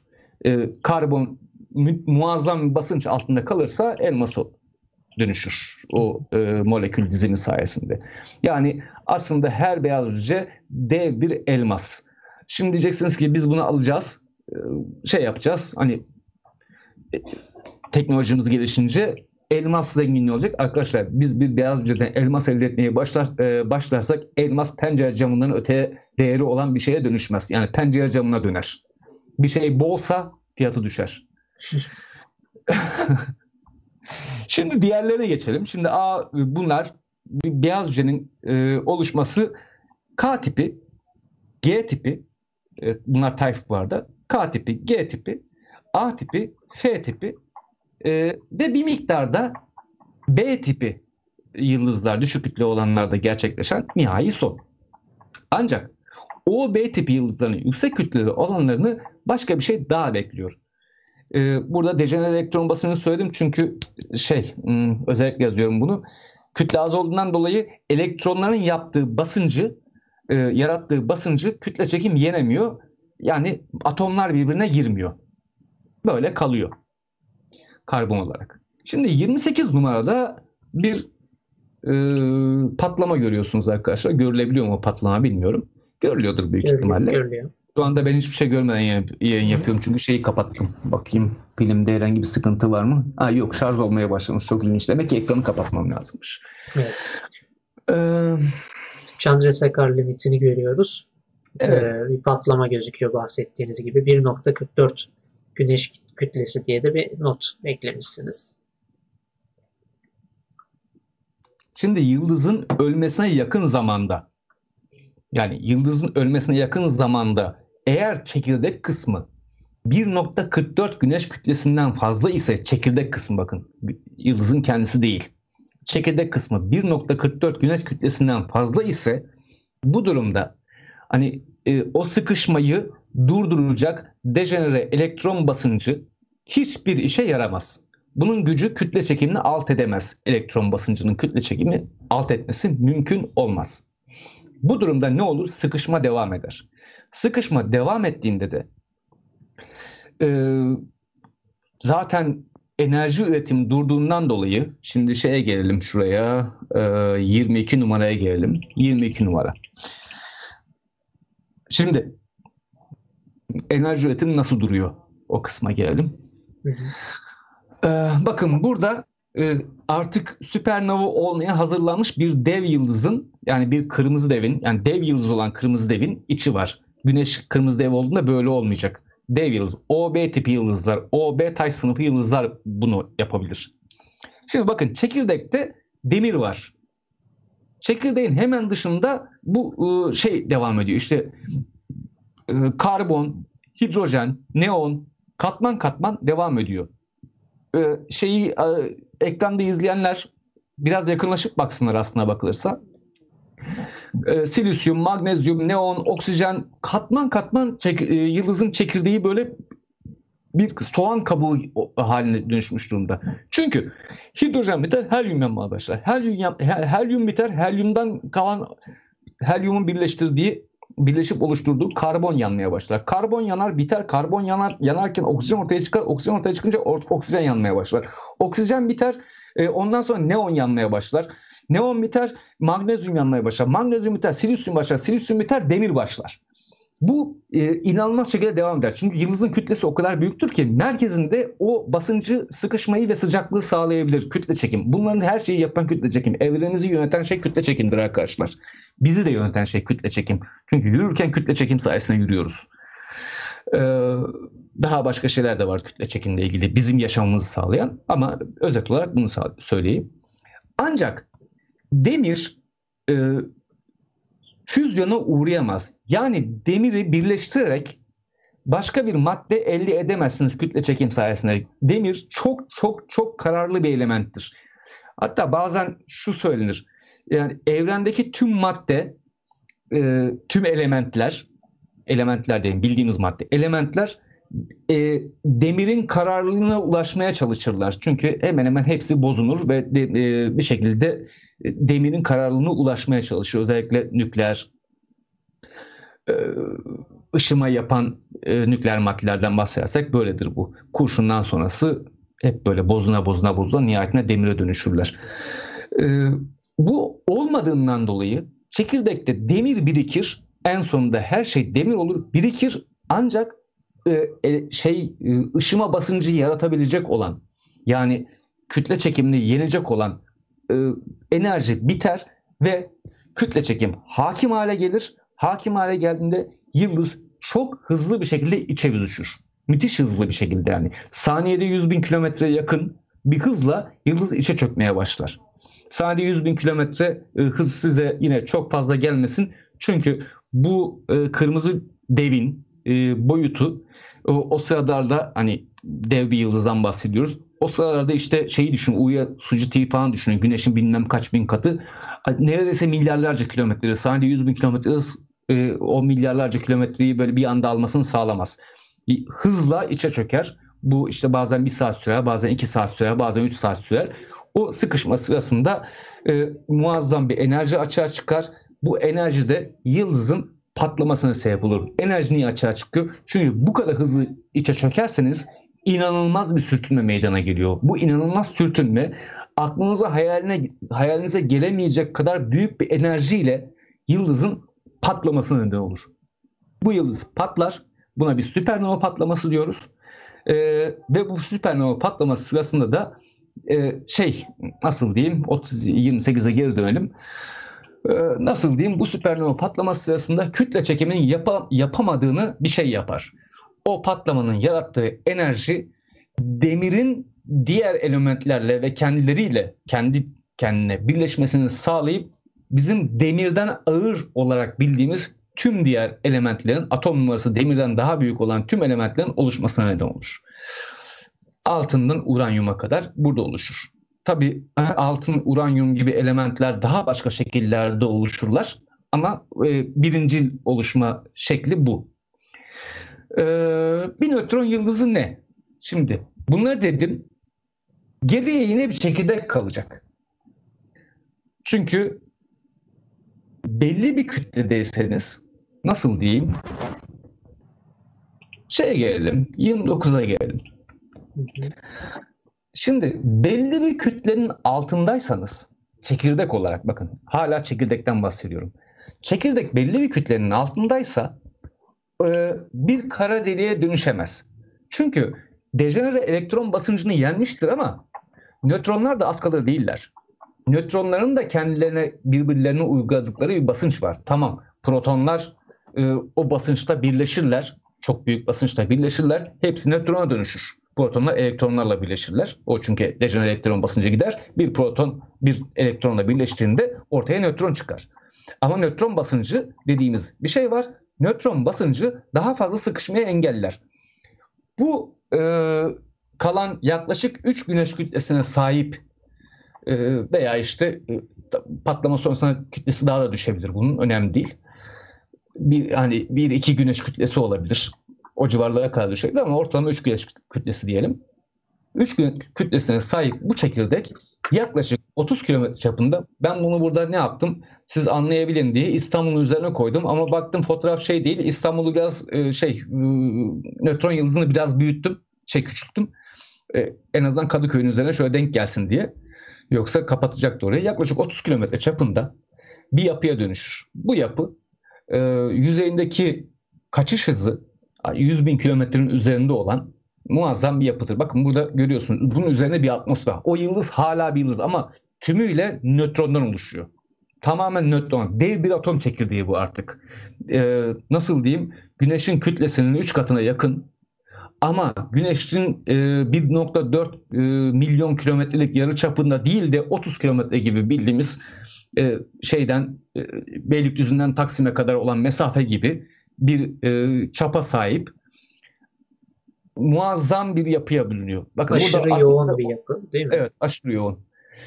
Çok çok yoğun. Yani her bir çay kaşığı hep örnek verirler. Şimdi National Geographic bunu yapıyor da bir aynısını yapmıyor. İşte bir çay kaşığı alırsanız işte bilmem kaç milyon kilo gelir falan. Onları demeyeyim ben. Şimdi bunun bir atmosferi var çok ilginç bir şekilde. Atmosfer de karbondan oluşuyor. Karbon atmosfer. Yani e, bunun dışında oksijen falan da var. Benzer şeyler var. Ama kütle çekimi o kadar büyük ki bunun. Çünkü sıkıştığından dolayı kütle çekim, yüzey kütle çekimi çok fazla artıyor. Yer çekimi diyelim biz ona. Yer çekimi çok fazla artıyor. Atmosfer büyük bir yoğunluğa ulaşıyor. 10 santim kalınlığında. 10 santim şu kadarcık kalınlıktaki atmosfer işte bizim dünyanın merkezindeki basıncın 10 katından büyük. Yani siz oraya o atmosfere ayağınızı değdirseniz zaten öncelikle şeyden ölürsünüz de e, yüzey kütle çekiminden yani bildiğiniz şey gibi bozuk paraya dönüşüp parçalanır gidersiniz ama o atmosferin basıncı ayaklarınızdan başlayarak sizi zaten paramparça eder. Konserve kutusu gibi ezilirsiniz. Şimdi bir metre çapında da bunun dış kabuğu var. Biraz daha serin bir dış kabuğu var.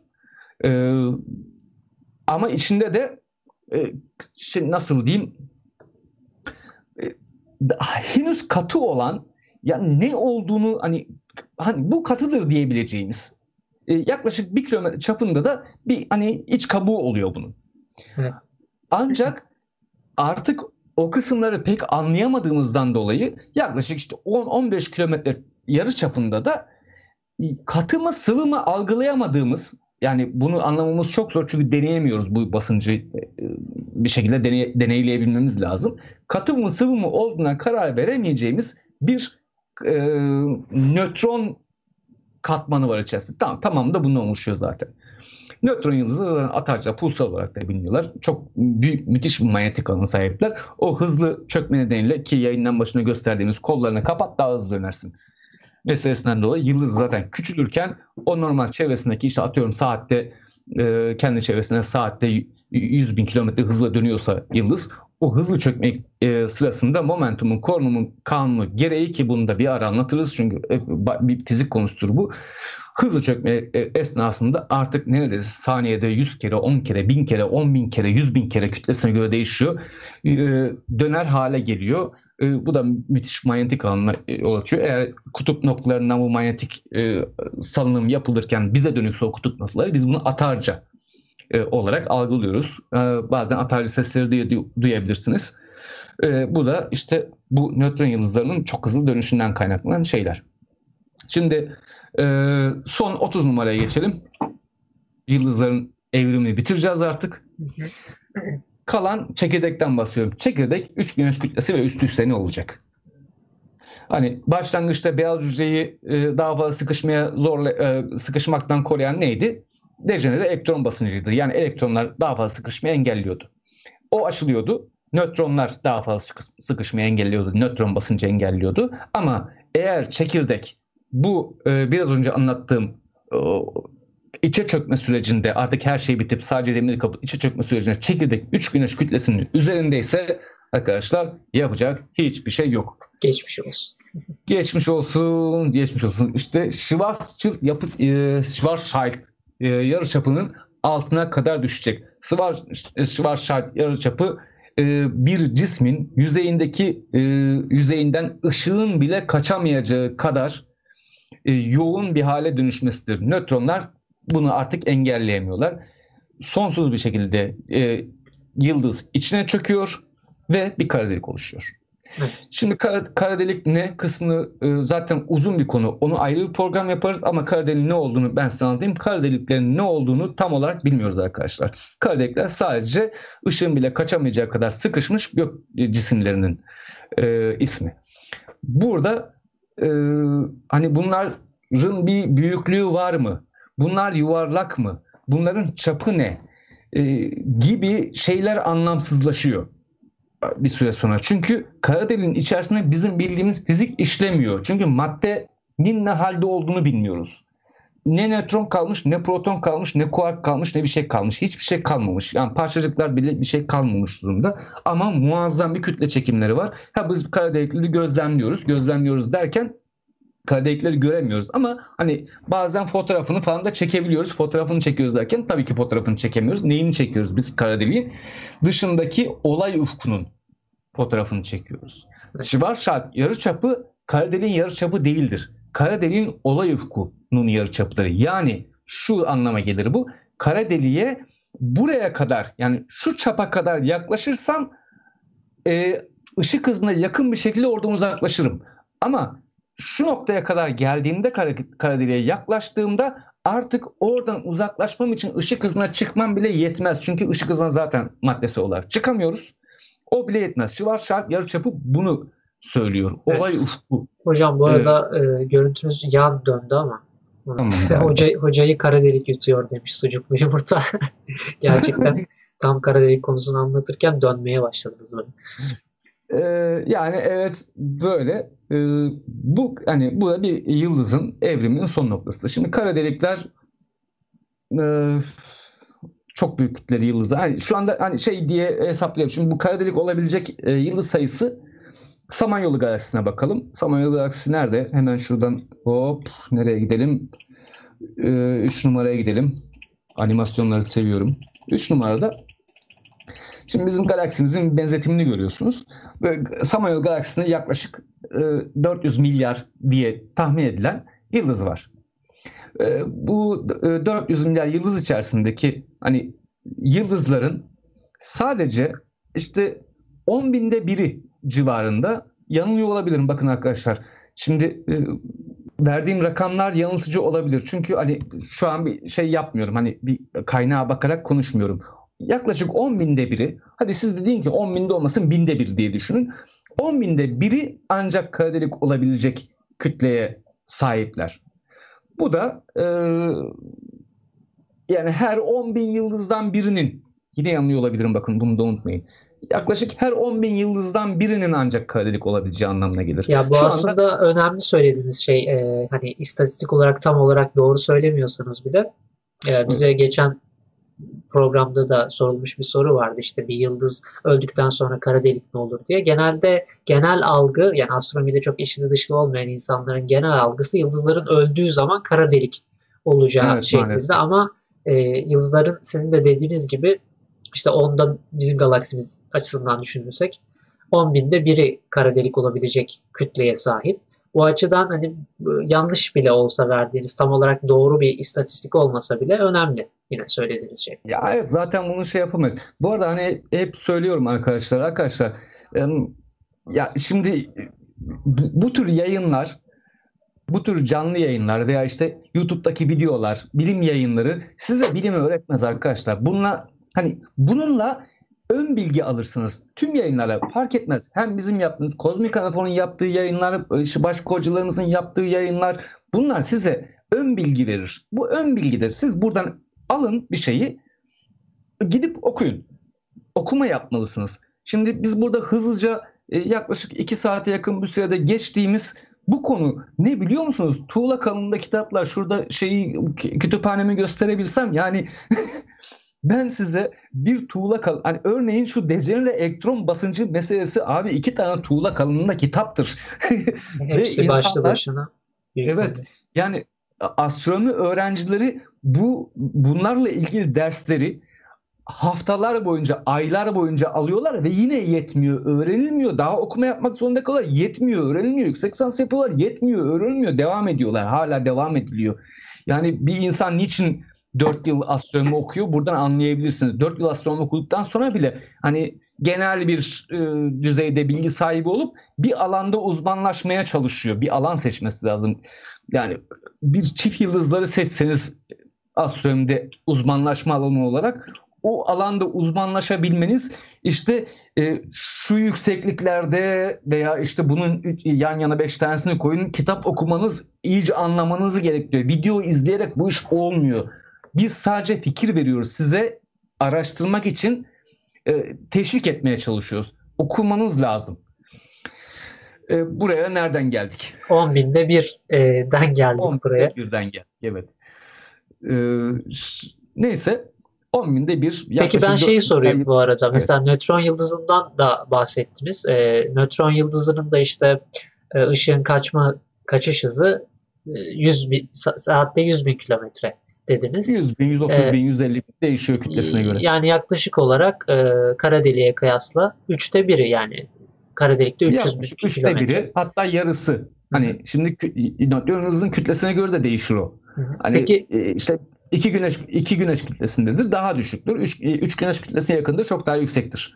Peki nötron yıldızı bizim Samanyolumuzda daha çok daha sık e, görülen bir e, yıldız çeşidi mi? Evet. Yıldız nötron, çeşidi nötron yıldızları her zaman kara deliklerden fazladır. Hı hı. Yani aslında e, siz de hep söylersiniz işte kara delikler böyle çok korkutucu, e, her şeyi yok edecek varlıklar e, gibi gözükürler ama nö- nötron yıldızları gibi e, başka cisimler de var e, evrende ve fa- daha fazla sayıda var aslında bizim Samanyolumuzda sizin dediğiniz gibi.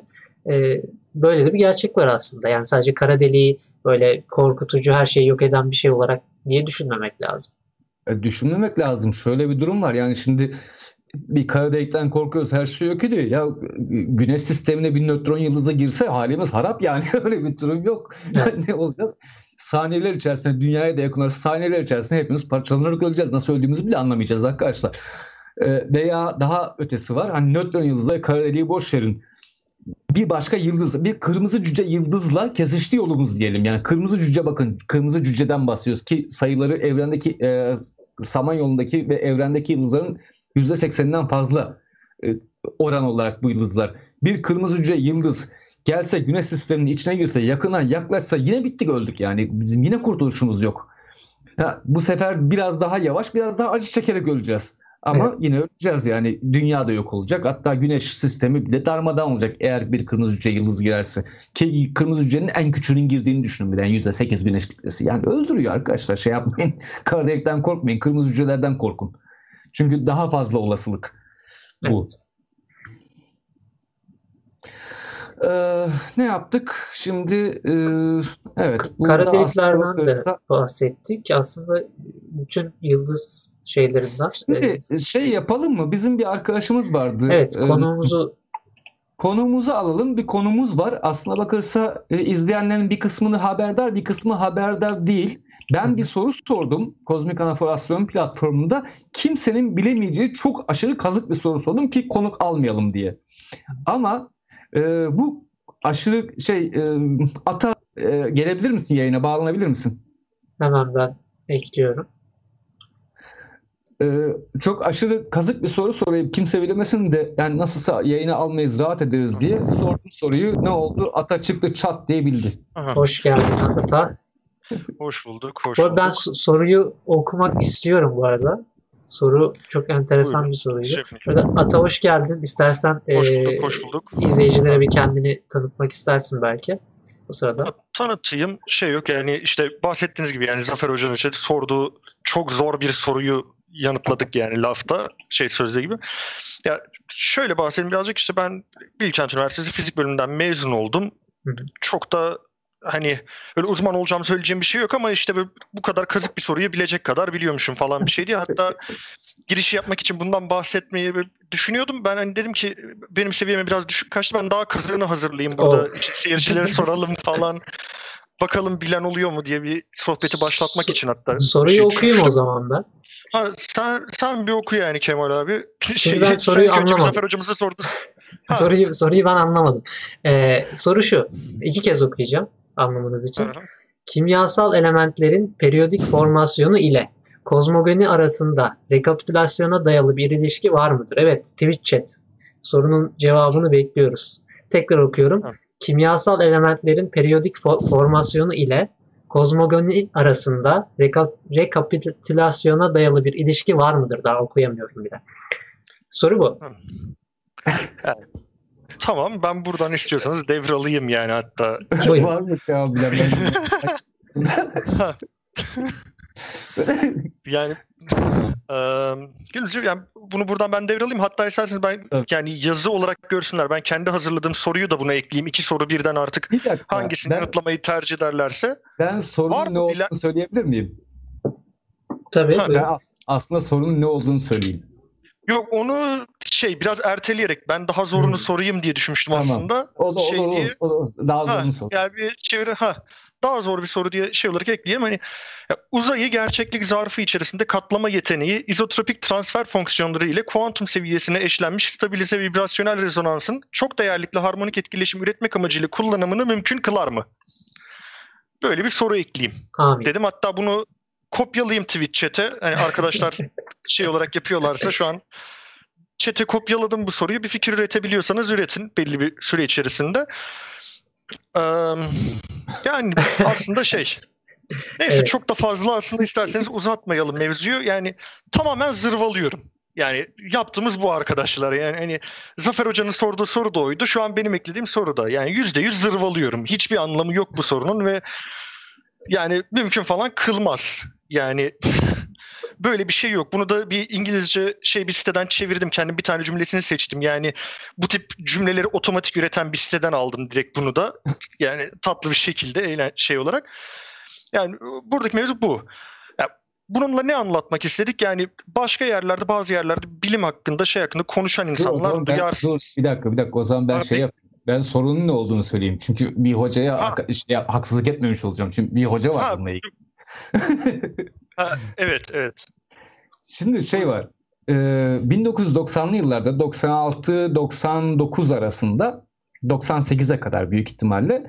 E, Burç FM diye bir radyonun o zamanlar çok müthiş olduğu, radyoların çok popüler olduğu, internetin olmadığı, e, şu anda izleyenlerin hayal bile edemeyeceği dönemler vardı. İnsanlar hiç durmadan radyo e, dinlerlerdi.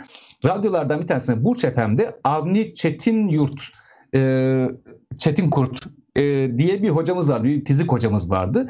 Bunu Avni'nin Geyik Şatosu isimli muazzam eğlenceli bir program yapardı. Çok müthiş bir programdı. Ben o sırada üniversitedeydim zaten. Üniversite birinci sınıftaydım. E, ve ben bu programı sürekli izlerdim.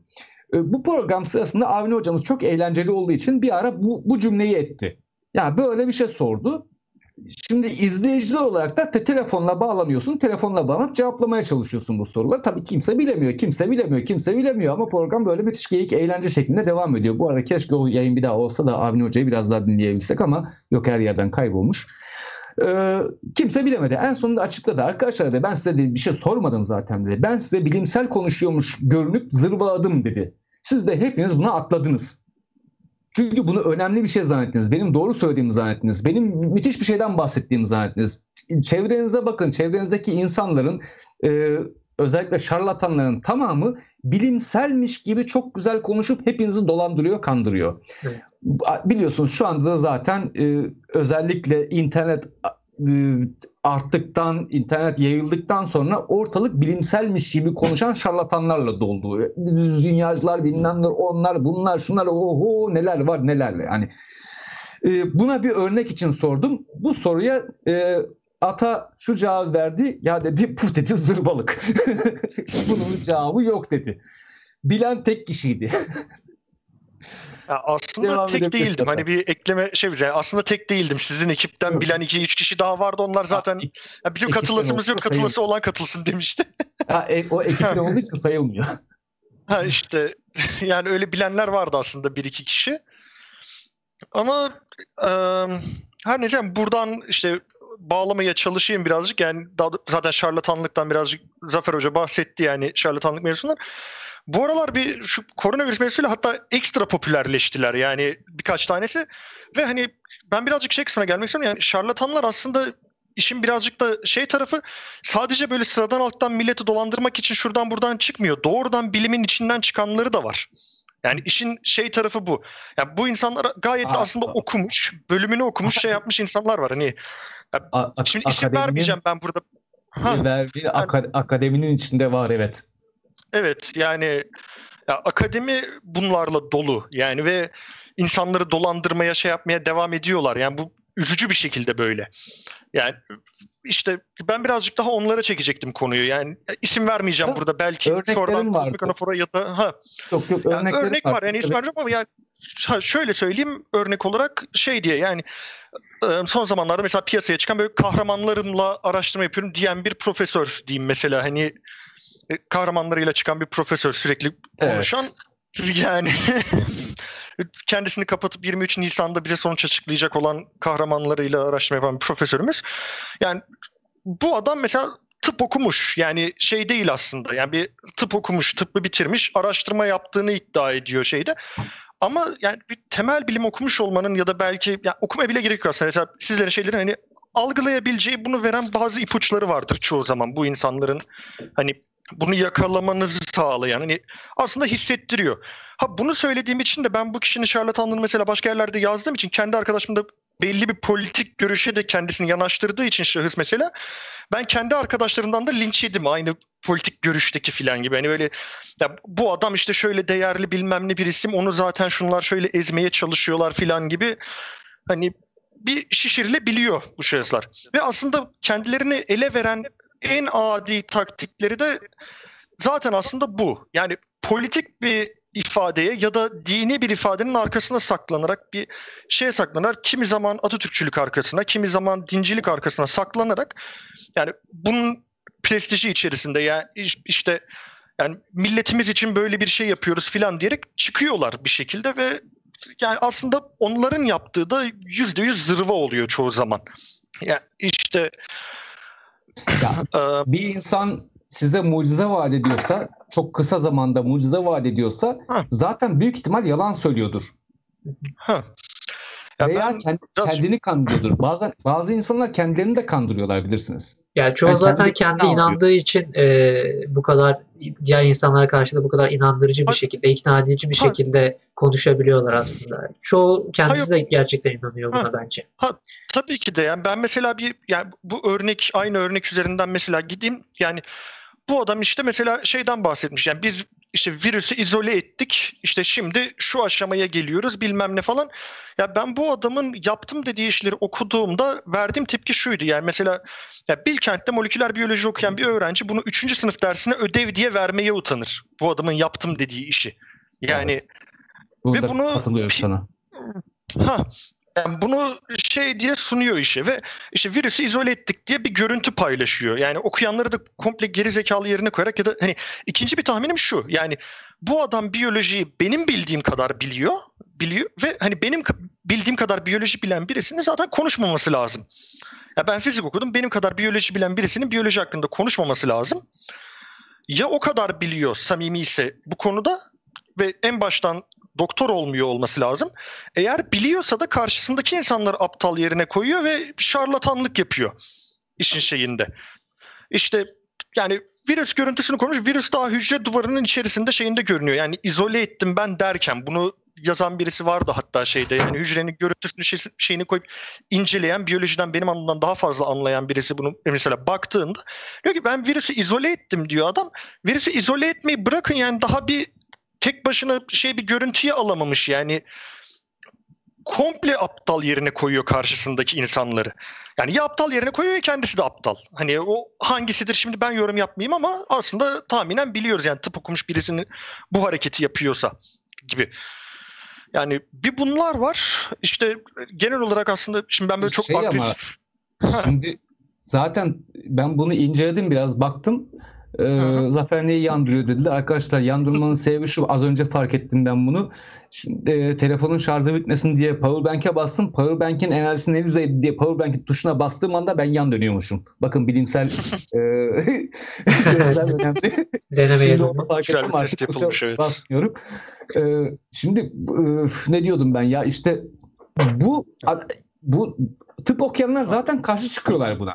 Diyorlar ki olmaz diyorlar ya yani böyle bir şey mümkün değil. Yani şimdi ama bunun karşılığında e, bunların savunucuları var. Çünkü siyasi bir e, figürle çıkıyor. Bazıları da dini figürle çıkıyor. Şimdi birisi dini figürle çıkıyor, birisi siyasi figürle çıkıyor. Kimisi inançsızlık figürle çıkıyor. Önemli değil. Bir figürle çıkıyor. Bu figürle çıktığı anda ne oluyor? Bu, bunların e, savunucuları böyle can hıraş savunuyorlar. Can hıraş inanılmaz şekilde savunuyorlar. Sen hocamıza ne diyorsun? Siz şöylesiniz, siz böylesiniz, siz şusun. Arkada e, onun bir kitlesi oluşuyor. O kitle ona inanılmaz sadık kalıyor. Ya bunu zamanında kimler yaptı abi? Ne söylerseniz söyleyin, ne yaparsanız yapın sizi takip edecek, size inanacak, size ne, cebindeki tüm parayı verecek, sizi can hıraş savunacak, böyle yırtınarak savunacak insanlar vardır abi. Jet Paddle diye bir adam var.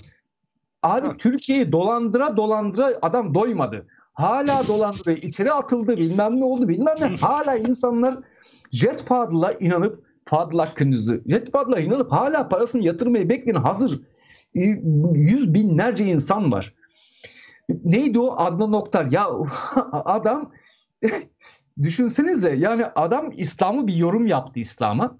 Dedi ki arkadaşım memeni ne kadar çok açarsan popon ne kadar çok görünürse o kadar iyi Müslümansın. Abi binler on binler para yağıyor yani adama yani böylesin diye. Ee, onun dışında bunun gibi bir sürü örnek var. Mesela şey o çiftlik bank sahibi. Ya tarımla uğraşan, hayvancılıkla uğraşanlar diyorlar ki Bakın arkadaşlar buradan bu para gelmez. Benim çiftliğim var, benim şuyum var, benim buyum var. Ben işte 50 tane inekten 100 tane de kendi ineğim var. Yılda şu kadar para kazanabiliyorum. Adam size işte iki inek aldınız diye bu parayı veriyor. Olmaz ama hala onu can hıraş savunuyorlardı. Bu sahte bilimde de böyle maalesef. Ya da Doğru. dolandırıcılık da böyle diyelim. Sahte bilim de değil, dolandırıcılık. Yani benzer yönleri var sahte bilim ciler açısından da. Yani elbette ki var ve işte şimdi nasıl tekrar konuyu toparlayayım diye şey yaptım. Çok da hazırlıklı çıkmadım zaten buraya yani ama yani şu an Bir saniye benim birazcık donduğum başka buradan Zafer bağlamak abi, istediğim bir... Bu arada senin görüntün gene şey. Evet yine yan döndü bir Zafer Hocam bu teknik şeyimiz bayağı var yani. Onu çözeriz ya hemen zaten. Ha, %35 şarjım var. %35 şarjla gider bu. Ha. Şunu ha, düzelteyim. ben Eee, Evet.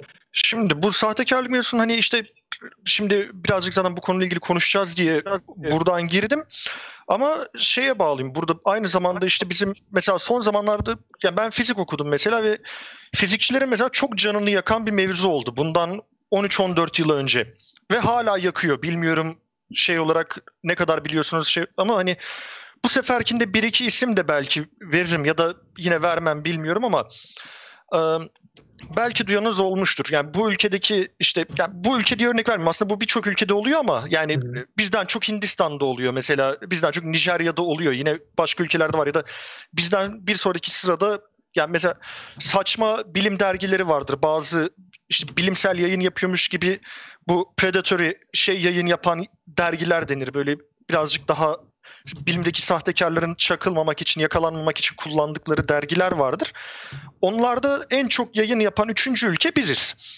Dördüncü sırada da hani öyle çok üst yere koymuyorum. Dördüncü sırada da Amerika Birleşik Devletleri var. Yani burada şey yapan bizim gibi en fazla bu tip dergilerde yayın yapan. Ve bunlardan bir örneği de hatta birazcık daha saygın 3-5 yerde yayınlatmayı da becermişlikleri olmuştu. Çanakkale 18 Mart Üniversitesi en başındaki şeydi. Oradan bir profesör. Ve bu adam orada dekanlığa kadar yükseldi mesela oradaki bir isim. Yani bu adam aynı makaleyi sadece makalenin isimlerindeki yazarları değiştirerek tekrar tekrar bastı mesela. Ya da işte yani Cambridge Üniversitesi'nin popüler bilimi anlatmak için, yani millete anlatmak için kurduğu sayfayı oradan ben sicim anlatıyorum makalemde sicim problemi çözüyorum diye onu alıp yani girişinde filan kullandı ve bunu yani her yerden 50 yama kopyalayıp yapıştırarak makaleler yazdı ve bu adamın yakalandığında korkunç arsız bir cevabı vardı mesela. Yani hep o aynı taktiğin şeyin ürünü. Yani neydi bu arsızlık? İşte bu sahtekarlıkla şeyle yani çalmayla, intihalle suçlandığında verdiği cevap intihal mi? Hayır sadece daha iyi İngilizce ödünç alıyoruz dedi adam. Ve böyle bir şeyi Nature'a gönderip Nature'da yayınlattı falan. Sadece daha iyi İngilizce ödünç alıyoruz diye. Ve şimdi bu adamın ne kadar can yakabildiğini örnek vermek için şey yapıyorum. Bu adamın yakalandığı dönemde Türkiye'ye karşı güven o seviyede düştü ki hani buradan normalde çok çok üst düzeyde başarılı yüksek lisansa doktoraya Amerika'daki çok üst düzey okullara MIT'ye şuraya buraya gidebilecek olan çocukların bazıları gidemedi mesela bir dönem. Hani hani çünkü şimdi sizin ülkede sen makale hani sen makale yayınladığını söylüyorsun ve şimdi öğrencisiyle bu adam mesela makale yazıyor. Şeye dönüşmeye başladı mevzu. Yani biz nereden bilelim böyle sahtekar bir hocayla 50 defa aynı yerde yazılmış makalenin olmadığını senin makale yazdım dediğin şeyin. Ve Türkiye'ye karşı mesela böyle güveni düşürüyorlar ve bu adamlar konuşurken şey diye konuşmaya başlıyorlar bu sefer de. Yani bu bütün Türk fizikçilerine karşı yapılan bir suçlamadır. İşte Evet. biz şey değiliz. Türk olduğumuz için bize bu suçlamayı yapıyorlara Evet, çevirmeye maalesef. başladılar mesela. Hani böyle bir taktik var. Yani böyle bir yönteme giriyorlar mesela ve ya bu adamların işte yani bu adamla beraber çalışan mesela ODTÜ'den iki tane yüksek lisans öğrencisi vardı o dönem aynı zamanda. ODTÜ'de onların foyası şey yaptı ve ben size şimdi birazcık daha örneği genişleteyim. Hani bunlar fark ediliyor, yakalanıyor. Mesela bu ikisinin ismi de biliniyor. Şu an resimleri şeyleri de var internette. Yani çaldıkları makalelerinin 50 yama olduğu baştan sona bilinen orijinal hiçbir şey üretmeyen bu insanlar ki bahsettiğimiz hani bu karmaşık cümleler kurma bilmem ne hesabını aslında makalelerini de yapan. Hani bunu örnek vereyim fizikte en rahat bu tip çalıntıların yapıldığı konu benim de en çok ilgimi çeken konu kütle çekim. Kütle çekimle genel görelilikle Einstein'ın genel göreliliğinde şununla bununla ilgili çalışılan konularda bunun az çalışılan bütün dünyada 40-50 kişinin çalıştığı çok da önemli olmayan konuları seçip bu adamlar zaten çok okunmayan konuları seçip burada sürekli makale Bir basıyorlar. de bir de şu var özellikle kütle çekim üzerine çok rahat konuşabilirsiniz. İstediğinizi yapabilirsiniz. Çünkü kütle çekim ne olduğunu bilmiyoruz. Kütle çekim hakkındaki fikrini söylersin. Bu fikirdir, ayrıdır ama sen bunu bilimsel makale haline getirip fikirden bilimsel makale yapmaya çalışıyorsun. Yaparsın 50 bin tane de şey alırsın. e, referans koyarsın oraya. O, o, o. Ama orada senin anlattığın şey aslında hiçbir şeydir. Sen sadece fikrini söylemişsindir. Bir şekilde o makale yayınlanmıştır. Ha bu Yok, ben- makale hakem, hakem dergide de yayınlanmaz zaten bu makaleler biliyorsunuz. Yani Benim bahsettiğim bunlardan değil bu arada. Şöyle söyleyeyim yani benim bahsettiğim şahıs mesela hani bu konudan bahsettiğim bazı dergilerde bastılar. Hani işte Arksiv tamam dergi değil Arksiv'e koydular. Belli bir süre boyunca Arksiv'de bulundu. Arksiv'in kendisi normalde kontrol ederken bu tip şeyleri Archive'de yani bu yıllarca bulundu orada. Yani adamın makaleleri mesela bazıları. Hatta Physical Review Letters'ta filan yayınlattığı da oldu. Yani fizikçilerin en standart yayınladığı makaledir. Bunların Physical Review Letters'ta yayınladıkları makaleler de var. Çalıntı sonradan fark edilen gibi. Yani böyle az okunan konularda çünkü şöyle bir şey vardır. Genel göreliye çalışılan konularda matematiği ağırdır böyle bir gerçeklik de var. Yani bazı fizikçiler yani asıl aslında gerçek fizik yapan adamların daha basit gibi görünen konularda aslında gerçek iş yapıyordur o adamlar.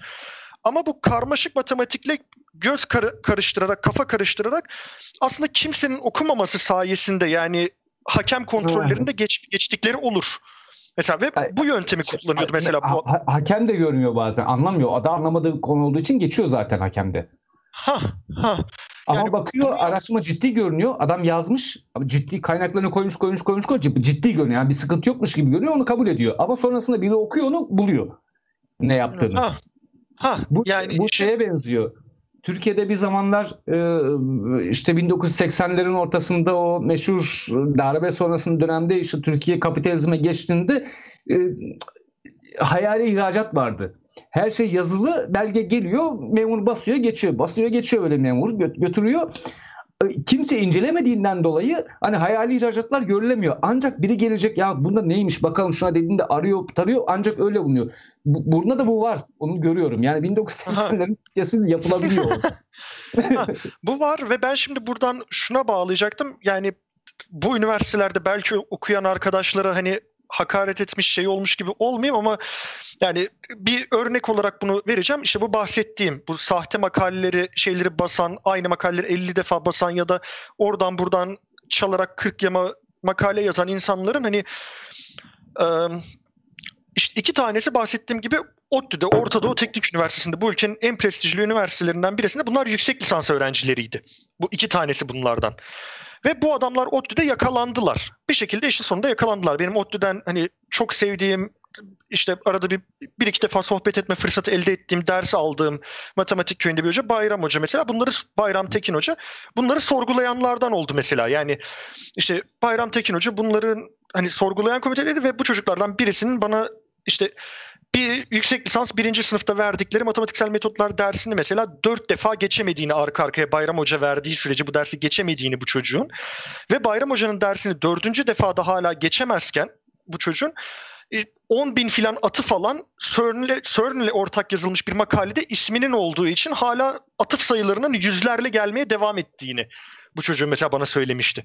Ha sonradan bu çocukları sorgulayıp yine Özgür Sarıoğlu yani bu Bayram Tekin'de Özgür Sarıoğlu gibi isimlerden çok kıymetli fizikçileridir ODTÜ'nün şeyin. Bu adamlar mesela fark ettiler ve söylediler ki yani Newton mekaniğini bile bilmiyor bu adamlar. Lise seviyesinde Newton mekaniği bilmiyorlar. Ve bu adamlar kütle çekim üzerine, genel görelilik üzerine bilmem ne üzerine makale yazdıklarını iddia ediyorlar.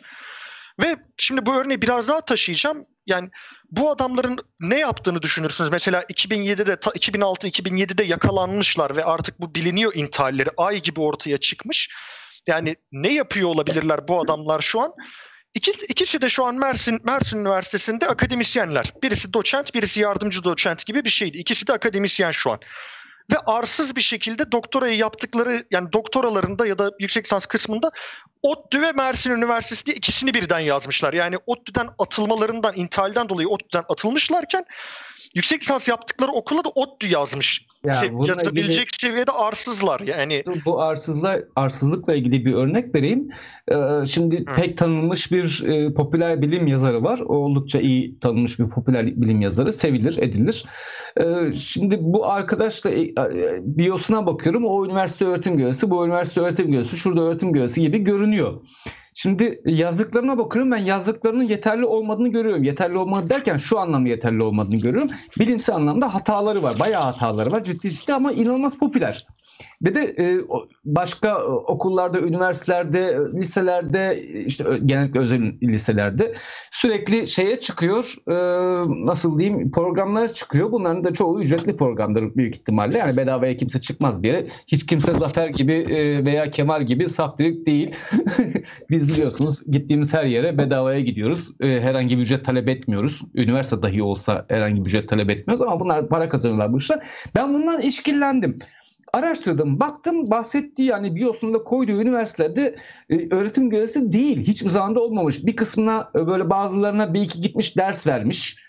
E, nasıl diyeyim yani ders verilebilir. Üniversite ders vermekte hiçbir sıkıntı yok. Yani verirsin. Hatta ben de gittim bir iki üniversitede ders vermişimdir. Hani ne dersi verdim bunu da söyleyeyim. Ben aynı sanat yönetmeniyim. Ben e, sanat yönetmenliği, grafik tasarım ve işte bazı yazılımların kullanımları üzerine İstanbul'da bir, bir iki üniversitede ders verdim. Programlı ders bu arada. Bu beni öğretim görevlisi yapmaz. Yapmadı da zaten. Ki ben de öğretim görevlisini gezmedim. Bu öğretim görevlisi orta, ortalıkta geziyor. Hangi üniversitede olduğu belli değil. Ee, ama biyografisinde böyle ve insanlar peşinde koşuyorlar. Araştırdım ettim bilmem ne yaptım. En sonunda buna dedim ki sen böyle değilsin. Yani niye bunu yapıyorsun? Çat diye beni engelledi bu arkadaş. Ya durumu bile anlatmadı. Ee, ama dedim ben bunun üzerine gideyim. Ee, belli bazı mecralarda bunun hakkında yazdım. Ee, bunun hakkında yazdım derken hani aslında bunun böyle olmadığını, bunda bir sıkıntı, ben biraz cesurumdur bu konularda. Ee, bunun böyle olmadığını bazı mecralarda yazdım. Bunun karşılığında e, bana bir arkadaşımdan şey geldi. Ya dediler X kişi senin hakkında bunları söylüyor. Sen bunu bunu bunu söylemişsin sana dava açacakmış. Dedim açsın buyursun açsın nasılsa ben kazanırım. Çünkü bu arkadaş yalancı. Ee, böyle böyle böyle derken bu arada bu da benim e, sosyal medyalarında e, mecralarına takipçi bir arkadaş. Yani aynı zamanda da arkadaşım yani sosyal medya arkadaşım takipleştiğimiz bir kişi. Facebook'ta düşünün yani. Ee, ben nedir diye soracağım yerde arkadaşa girdim hesabına yazayım dedim bir baktım engellenmişim. Ee, hiçbir şekilde ulaşamıyorum ona. Tabii e, sonrasında e, ben daha öncesinde her şeyi almıştım biliyorsunuz. E, Kemal iyi bilir. E, internette bir şey varsa Zafer görür. E, Zafer görmüyorsa zaten yoktur. E, buldum. E, şey oldu bitti bilmem ne derken hani dava açacağım şu bu. O arada o arada da PR'ını yapmış. Yani yine PR yapmış bu arkadaş. Öğrencilerim göndereceğim, şunu yapacağım, bunu yapacağım, konuşacaklar. Hiç kimse de gelmedi. Zaten öğrencileri de umurunda değil. Çünkü şey yapıyor, o PR'ını yapmaya devam ediyor orada. Bunun gibi çok insan var. Çok fazla insan var. Örneğin ismini vermekten çekinmeyeceğim bir tane uzay mimarımız var. Uzay mimar diye bir şey yok. Yani o ama zaten çıkalı çok oldu. Onun ismi zaten ortaya piyasaya herhalde şeyden bahsediyorsunuz. Serkan Anılır'dan bahsediyorsunuz herhalde. Yok hayır hayır Serkan Anılır değil. Bu, bu ha, bir tamam, tamam, tamam, tamam. Ee, evet, bu evet. bir hanımefendi. O var. Hala devam ediyor. Biz Umut Yıldız'la beraber üzerine gittiğimiz için Umut Yıldız, ben, Halit Bin Ahmetoğlu, e, Tevfik Uyar üzerine gittiğimiz için artık gideceği, çıkacağı konferansların bakın konferans yapıyor bu hanımefendi. Bu konferansların ismini vermiyor. Gidiyor, yapıyor. Ondan sonra yaptıktan sonra duyuruyor. Hala devam ediyor. Hala da çok e, şey, el üstüne tutuluyor bu, bu arada, arkadaş. E, kafama takıldı. Uzay mimarı ne yapıyormuş? Yani uzay mimarı hiç, hiç, iddia ettiği şey ne? Şey, ya hiçbir şey yapmıyor ki yaptığı bir şey yok. Çok garip. Ee, yani hayal edemedim yani aklımda da o yüzden. Baştaki bahsettiğimiz işte hani ismi havalı CV'si olup aslında yalan. hiçbir şey yapmayanlar. Yani CV'si yalan. E, bir CV'si var. CV'sinin tamamı yalan. Uydurmuş uydurmuş yazmış yani. Kimse de bakmıyor ki üniversiteye gönderiyor. Ya ODTÜ'den geri döndürdük ya. Ne diye konferans veriyor peki? Uzay mimarisi üzerine. Uzay mimarisi Uzay... merak ettim konferansına falan Bilmiyorum. bakacağım varsa internette. Ee, bir arkadaş gitti. Zafer Acar gitti bu arada. Zafer Acar geçmiş olsun. Gözün, gözünden bir tanesini kaybetti. Geçmiş ee, olsun. Ee, Zafer Acar gitti. Ee, onun ameliyatı vardı. Ee, Zafer Acar onun konferansına gitti. Şey yaptı ya ben de abi de geldi konuştu konuştu. Şey e, motivasyon konuşması yaptı gitti. yani Bunları yapıyor, bunları ediyor. ODTÜ'den döndürdük. O, ODTÜ'de konferans verecek. Biz ortalığı yıkıyoruz. Umut Yıldız, ben, Halit Ahmetoğlu, Tevfik var. Ortalığı yıkıyoruz. Yani her üniversiteye gidiyor. Ya şeyi isteyin dedik. Yani e, diplomasını isteyin, belgesini isteyin, resmi belge isteyin, CV'ye bakmayın dedik. ODTÜ'den kovuldu. Yıldız Teknik Üniversitesi'nden kovuldu. Gaziantep Üniversitesi'nden kovuldu. Oradan kovuldu, buradan kovuldu. Ama yolunu buldu. Hala devam ediyor. Çünkü hala bir inanacak var. Devam edebilirsin Ata Hocam. Ha, tamam devam edeyim ya. benim bahsettiğim örneklerde bu arada şöyle bir şey söyleyeyim hani bu adamların CV'sindeki yalan kısmı mesela ODTÜ'den mezun oldukları kısmı yani ODTÜ'den atılmışlarken ODTÜ yazmaları bir kısım ama şöyle bir şey var. Bu benim bahsettiğim isimler mesela gerçekten akademisyenler. Yani gerçekten bu üniversitede ders veriyorlar. Yani mesela fizik 101 102 dersi veriyorlar Mersin Üniversitesi'nde ve ben merak ediyorum bunlardan fizik 101 102 gibi dersleri alan öğrenciler ne haldeler? Yani ben gerçekten merak ediyorum. Yani ben baktım Mersin Üniversitesi'nde mersin.edu adresinde bu adamların resmi sayfaları var mesela. Yani 2007 yılında 2006 yılında apaçık ifşa olmuş adamlar yani intihallerinden bütün akademik kariyerleri orada bitmesi gereken insanlar bizim ülkemizde üniversitelerde akademisyen olarak yer alıyorlar şu an. Yani bu işin böyle bir boyutu var. başka bir yere şey yapayım. Bu tip birazcık daha hani popüler olmaya çalışmayıp akademi içerisinde var olup yoluna bakanlar, akademiden makale basıp basıp para kazananlar da bir de şöyle bir gelenek var. Hayali konferanslar. Yani mesela şu an koronavirüsten bütün dünya çapında konferanslar her şey iptal olmuşken bunların CV'lerine bakın hala şu tarihlerde gittikleri konferanslar vardır bunların kağıt üstünde. Yani e, yani o seviyede arsızlar yani bir durup da yok yakalanmayalım o kadar da yemezler yani demiyorlar mesela. Diyorlar ki ya evet, 28 Nisan'da konferansa girdim falan diye. Hani ya öyle bir konferans yok ama konferansa girdi diye e-mail adresi falan bunlara şey geliyor. Sahte bir belge veriliyor. Bunlara şu konferansta konuşma yaptı falan sunum ya yaptı diye. Işte Ata şunu yapalım istersen. Bak bu konu çok güzel. Biz bu konuyu e, e, kendi şeyimizi bölümüne kadar şunu yapalım. Bak bu konu çok güzel. Bunun üzerine konuşabiliriz. Kemal de zaten bu konu üzerine konuşmak istiyor bildiğim kadarıyla. Ee, hem bilim anlatıcı hem böyle sahte bilim. Bunun üzerine konuşmamız lazım gibi duruyor oluyor.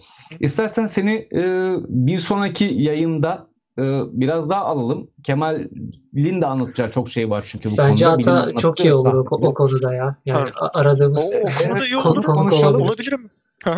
Bir şey daha ekleyeyim ben bu arada hocam size şeydi yani aslında ha, bilmiyorum siz bilirsiniz yine şey olarak zaten aslında bu konuları hani belli oranda daha fazla bilgim olsa bile anlatma konusunda mesela siz çok daha iyisiniz yani millete bir şeyleri anlatırken. Ama e, şey diyeceğim, soru cevap kısmı ha, ha.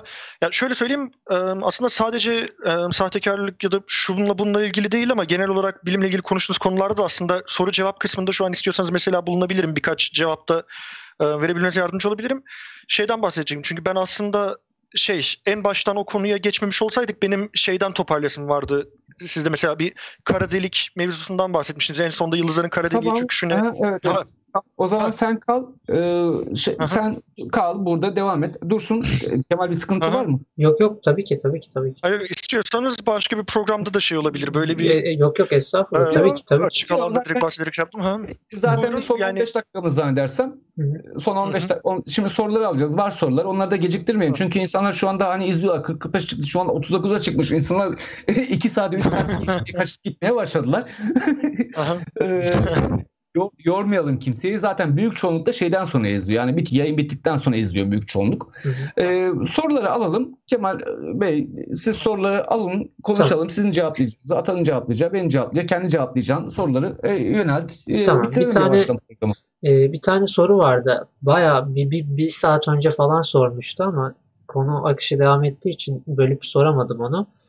Haziye sormuştu. Onu hemen yönelteyim e, bu güneş enerjisi konusunda sormuş. Pek çok yerde güneş enerjisi ile, ile çok kısa bir sürede dünyanın onlarca senelik elektrik enerjisini karşılayabileceğimiz söyleniyordu. Siz yayının ortalarında güneş enerjisinin çok da önemli olmadığını belirttiniz. Nükleer füzyonun insanlığı kurtaracağını belirttiniz vesaire. Yani benim okuduklarıma, okuduklarımla sizin dedikleriniz biraz çelişince merak ettim. Doğrusu açıklarsanız sevinirim demiş. Bunu... Hayır aslında bir çelişme yok. Ee, bir çelişme yok. Şu anlamda bir çelişme yok. Ee, şimdi e, bu kanalın sahibi zaten e, biliyorsunuz e, Burak Çankaya. E, Burak Çankaya zaten güneş enerjisi e, üzerine. Bu arada kameramı kapattım. Yine e, donmaya başladı. Birazdan e, 5-10 e, saniye sonra açacağım. Burak Çankaya zaten güneş enerjisi üzerine şey yapıyor. Güneş enerjisi iyi bir alternatif enerjidir. Bizim e, nasıl diyeyim e, şu anda var olan e, elektrik üretim sistemlerimizi işte termik enerji, nükleer enerji, hidrostat, e, hidroelektrik enerjisini destekleyen iyi bir şeydi. Örneğin gündüz saatlerinde termik santrallerinizi çok fazla çalışmanız gerekmez güneş enerjisinden iyi faydalanıyorsanız. Ancak gece olduğunda depolama sistemlerimiz yeterli olmadığından dolayı ki bazen kapalı havalarda yine aynı şekilde söz konusu olabilir. E, e, depolama sistemleri yeterli olmadığından dolayı güneş enerjisiyle siz bir ülkenin tamamının elektriğinin tamamını karşılayamıyorsunuz. Yani 24 saati karşılamanız mümkün değil. Veya işte 365 gün 360'ını karşılamanız mümkün değil. Rüzgar enerjisi de keza aynı şekilde. Rüzgar enerjisi de yine mevsimlere e, bazı e, hava şartlarına göre değişir. Örneğin Çanakkale bilirsiniz şeylerle doludur. E, rüzgar santralleri doludur. Çanakkale oldukça iyidir rüzgar enerjisi elde etme konusunda ama yine 365 gün size bunu sağlamaz veya işte e, yılın belli dönemlerinde veya işte o günün 24 saatinde yine istediğiniz kadar size elektrik e, elektrik üretimini sağlamaz. Olmuyor. Mesela onda gece gündüz farkı yoktur ama yine sağlamıyor. Bu yenilenebilir enerji kaynakları, güneş enerjisi ve rüzgar enerjisi, dalga enerjisi gibi kaynaklar e, destekleyici e, kaynaklardır. Evet, Sahra çölüne kurarsınız elektrik santrali, Sahra çölünün bir kısmını kaplarsınız, elektrik santrali kurarsınız, güneş enerjisi santrali kurarsınız. O bütün dünyanın o anki bir yıllık enerji ihtiyacını karşılayacak kadar size elektrik üretebilir. Ancak şu var, Sahra çölünden siz elektriği e, şeye, e, Sibirya'ya, Çin'e, e, Avustralya'ya, Güney Amerika'ya, oraya, buraya nasıl göndereceksiniz? Muazzam büyük maliyetler ve muazzam büyük enerji kayıpları. Ee, her elektronikle elektrikle ilgilenen kişi mesafeye oranla enerji kaybının ne olduğunu bilir. Ben biraz elektronikten de anladığımdan dolayı bunu söyleyebilirim.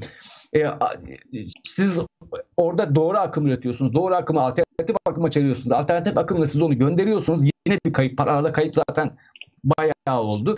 E, siz onu e, şeye gönderiyorsunuz. Uzun mesafeler gidiyor, gidiyor, gidiyor, gidiyor, gidiyor, gidiyor, bitiyor. Yani e, Sahra çölünde de zaten kimse kusura bakmasın 24 saat 365 gün hava açık değil. Dolayısıyla üretemiyorsunuz bunu. Dalgaları ekliyorsunuz e, veya e, nasıl diyeyim dalga enerjisini, jeotermal enerjiyi onu bunu ekliyorsunuz. Olmuyor. Jeotermal enerji işe yarasaydı biz sadece Afyon'daki jeotermal kaynakları tüm Türkiye'nin neresini karşılardık. Ki Afyon'da muazzam jeotermal kaynaklar var. Ha, ne işe yarıyor o jeotermal kaynaklar? Çok güzel turizme yarıyor. İyi de para getiriyor. Devletler, ülkeler para getiren e, her şeye muazzam yatırım yaparlar arkadaşlar merak etmeyin. Bu arada şunu söyleyeceğim. Jeotermal, güneş enerjisi, e, dalga enerjisi, e, ne bileyim rüzgar enerjisi gibi bedavaya elektrik üretilebilen kaynaklardan elektrik üretilmeye başlandığında kusura bakmayın sizin faturalarınız düşmeyecek. Aynı devam edecek. Zamlar tıkır tıkır devam edecek. Neydi bundan 8-10 sene önce, 15 sene önce ne yaptılar? Şey kullanın. E, neydi onun ismi? Tasarruflu ampul kullanın, elektrik tasarrufu yapın, şunu yapın, bunu yapın, faturalar düşecek. Ne oldu? Faturalarınız artıyor arkadaşlar. Düşmedi. Eskiden akkortalli Edison ampullerini kullandığınız zamandaki e, faturalarınız neyse şu anda aynı fatura var hatta daha fazlası var. Elektrik paralıdır. Tesla gibi bedavadan üretilse bile size parayla dağıtılacak bunlar. Bitti. Evet. Ee, e, Erem 101'in bir sorusu var. Termodinamikle aranız nasıl bilmiyorum Zafer Hocam ama e, ee, iyi değildir. Demir fisyonunu endotermik e, kabul edebilir miyiz? Eğer egzotermik ise yeteri kadar ağır bir yıldız demir fisyonu yapamaz mı diye sormuş. Bu Bilginiz konuda hani bu konuda bir konuşabilmek için hani okuma yapmam lazım. Ben bu konuda bir okuma yapmadım. Hani bilmediğim bir konuda okuma yeterince okuma yapmadığım bir konuda söylediğim her şey yalan olur. E, yalan olmayabilir bu arada. Yani yanlış olur. Yanlışa girmek istemiyorum. Girmeyelim yanlışa. Ben de aynı şekilde. Ben, ha, ben sadece bir şey o zaman şey diye burada ekleyebilirim. Yani, yani endotermik ve egzotermik şu an ben de şey olarak bilmiyorum kafadan ama şunu söyleyebilirim. Yeterince ağır bir yıldız demir fisyon yani bir dakika ama fisyon diye sorduysa bilmiyorum ama füzyonu yapmaz. Yani demir füzyonu yapmaz yeterince ağır bir yıldız.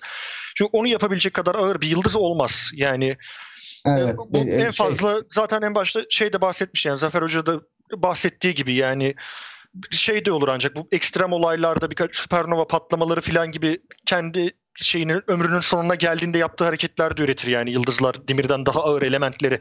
Ya, ya bunu yapabilecek e, yıldız tipi yok. Minimum, yani. minimum, minimum maksimum kütle zaten belli yıldızlarda yani belli maksimum kütleleri Aha. aşılamıyor. Tamam belli bir e, şey hata payı aralığı var ama yani e, aşılamadığından dolayı olmuyor. Hani aşılsa bile ne olacağı ile ilgili zaten hani bu e, bu kural zaten konulmaz da olmuyor. Fizikçiler çok uzun çalışıyorlar zaten bunun üzerine olabilirim diye olmuyor kalıyor. Demir çok kararlı çünkü. Yani o demirin yani, kararlılığını kütle çekimini aşmak çok zor oluyor dediğiniz gibi. Ama bilmiyorum okuma yapmadım. Okuma yapmadığım için de hani doğru cevap vermiş olmam. Evet. Ee, başka soru arkadaşlar sorabilirsiniz. Bugün neredeyse hiç soru gelmedi. Ee, başka soru göremiyorum. Kaan Hazarfen Sezar ayağını denk alsın söyleyin lütfen demiş. Onu da ya, Kaan geç, zaten geçmeden yani Söyleyeyim Bana dedim. darbe yapacak bu bildiğin ben, ben bunu şey gibi görüyorum ya neydi o Broma'yı yakan işte o gibi görüyorum. Ee, veya işte Sezar'ı öldüren bir adam vardı. Yani yakında galiba şey Kaan tarafından hançerleneceğim. Ben bundan korkuyorum ya. Ee, evet, onun dışında bir şey yok.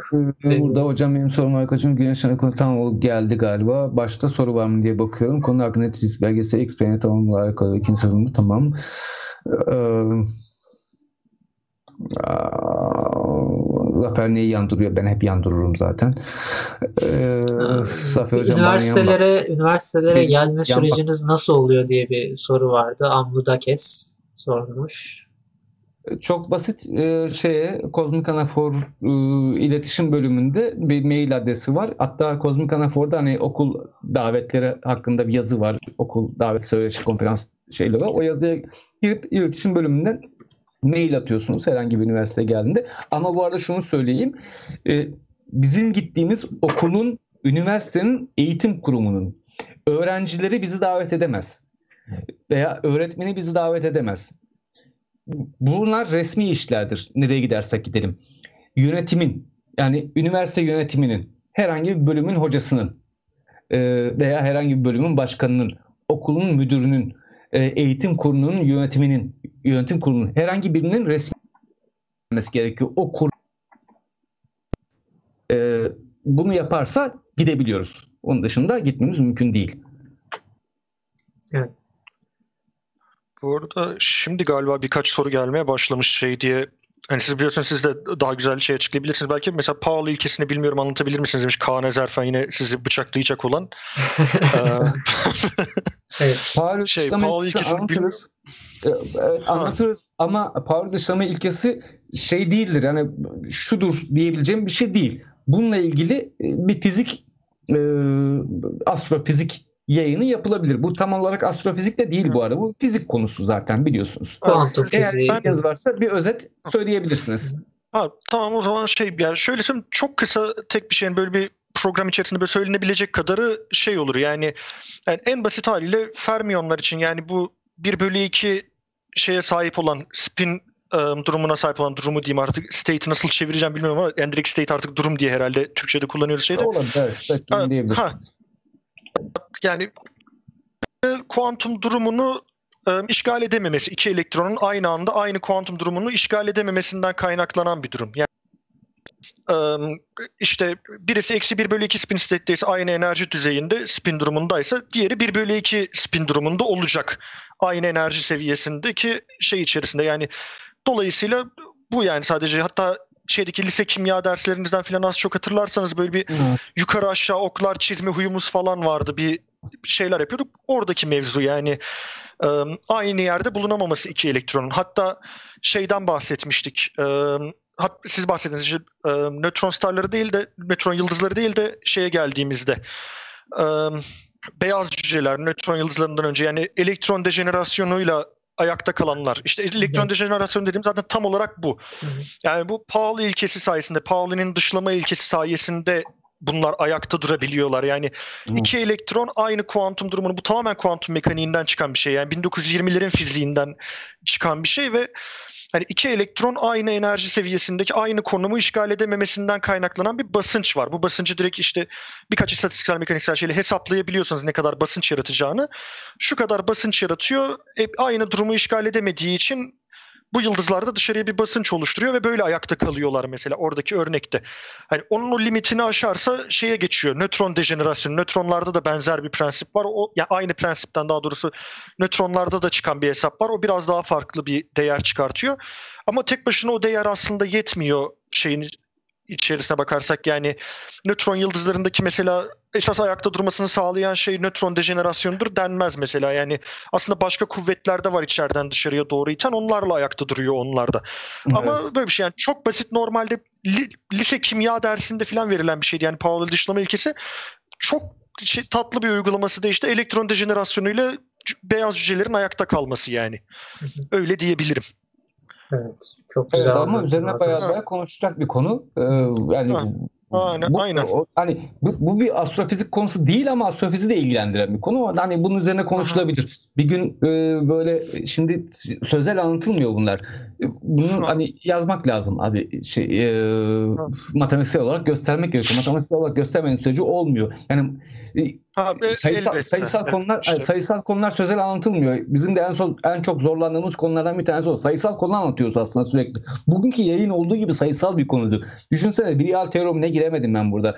Ya bir an yasasına giremedim. Ee, bir sürü şeye giremiyorsun. Niye nasıl anlatacak ki ben bunu? Olmuyor. Orada açıp tahtada bir şey göstermem gerekiyor. Çok zor. Ee, bunun gibi. Var mı başka soru Kemal'cim? Senin cevaplamak istediğin de başka şeyler var mı bilmiyorum nötron yıldızı kara deliğe dönüşemiyorsa bu Pauli ilkesi yüzünden yani. Benim asıl merak ettiğim buydu diye sormuş Kaan evet, aslında, aslında biraz e, bir, bir, bir, miktar bunu hani bir miktar şey yapılabilir bir miktar ama tam yani e, bir, bir kısmı aynen bir kısmı ona atfedilir. Yani dönüşemiyorsa o yüzden. Ama yani şöyle dönüşür yani. Başka bir nötron yıldızıyla çarpışır bal gibi de aynen, dönüşür kara deliğe. evet. yani mesela hani yani öyle bir durum var. O kritik kütle geçtikten sonra dönüşür. Ha, bu arada şey aslında şimdi bununla ilgili soru yokken şey olarak ekleyeyim ben kara deliklerden bahsederken işte içerisindeki maddenin şeyin ne olduğunu bilmiyoruzdan bahsetme. Aslında bu onunla ilgili de verilebilecek hani tatlı birazcık şey bir konusu şu. Eğer komple genel göreliliğin şeyi içerisinde düşünürsek bu arada kara delikler bir madde ya da hiçbir şeyden bahsetmiyoruz zaten. Uzay zamanın kendi dokusu onlar komple.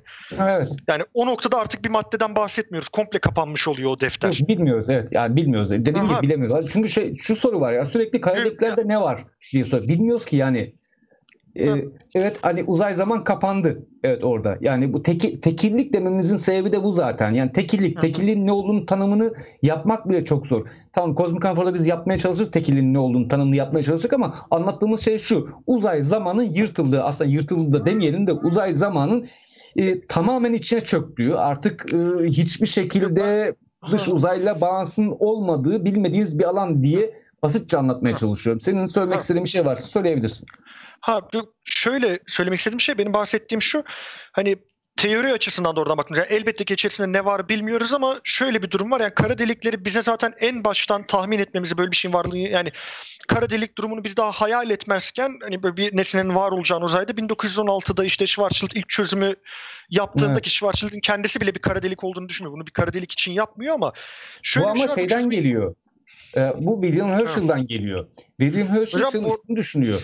E, hani bir yıldız ne kadar büyüyebilir? Şu kadar büyüyebilir. E, o kütlesi o kadar artar ki hani o yıldızın ışığı bile saçılamaz derken tabii şeye e, Schwarzschild'a geliyor.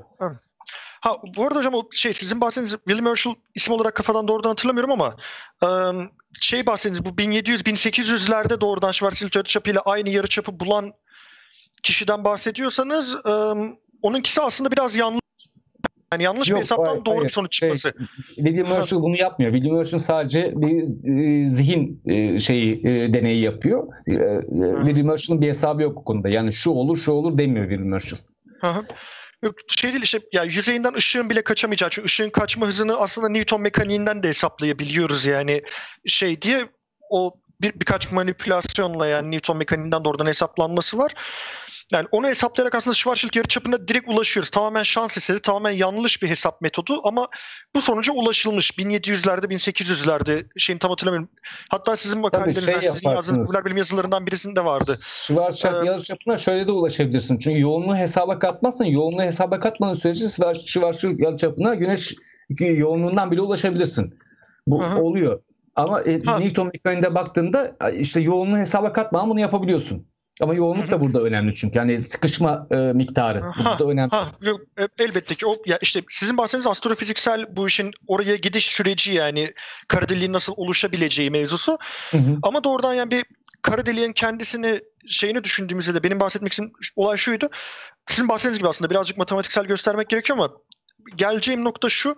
Yani mesela genel göreliliği kullan diye bir şey var. Hani işte bu şeyden bahsediyoruz. Birinci tensörü hesaplanıyor vesaire falan gibi ya da Einstein denklemi diyelim direkt.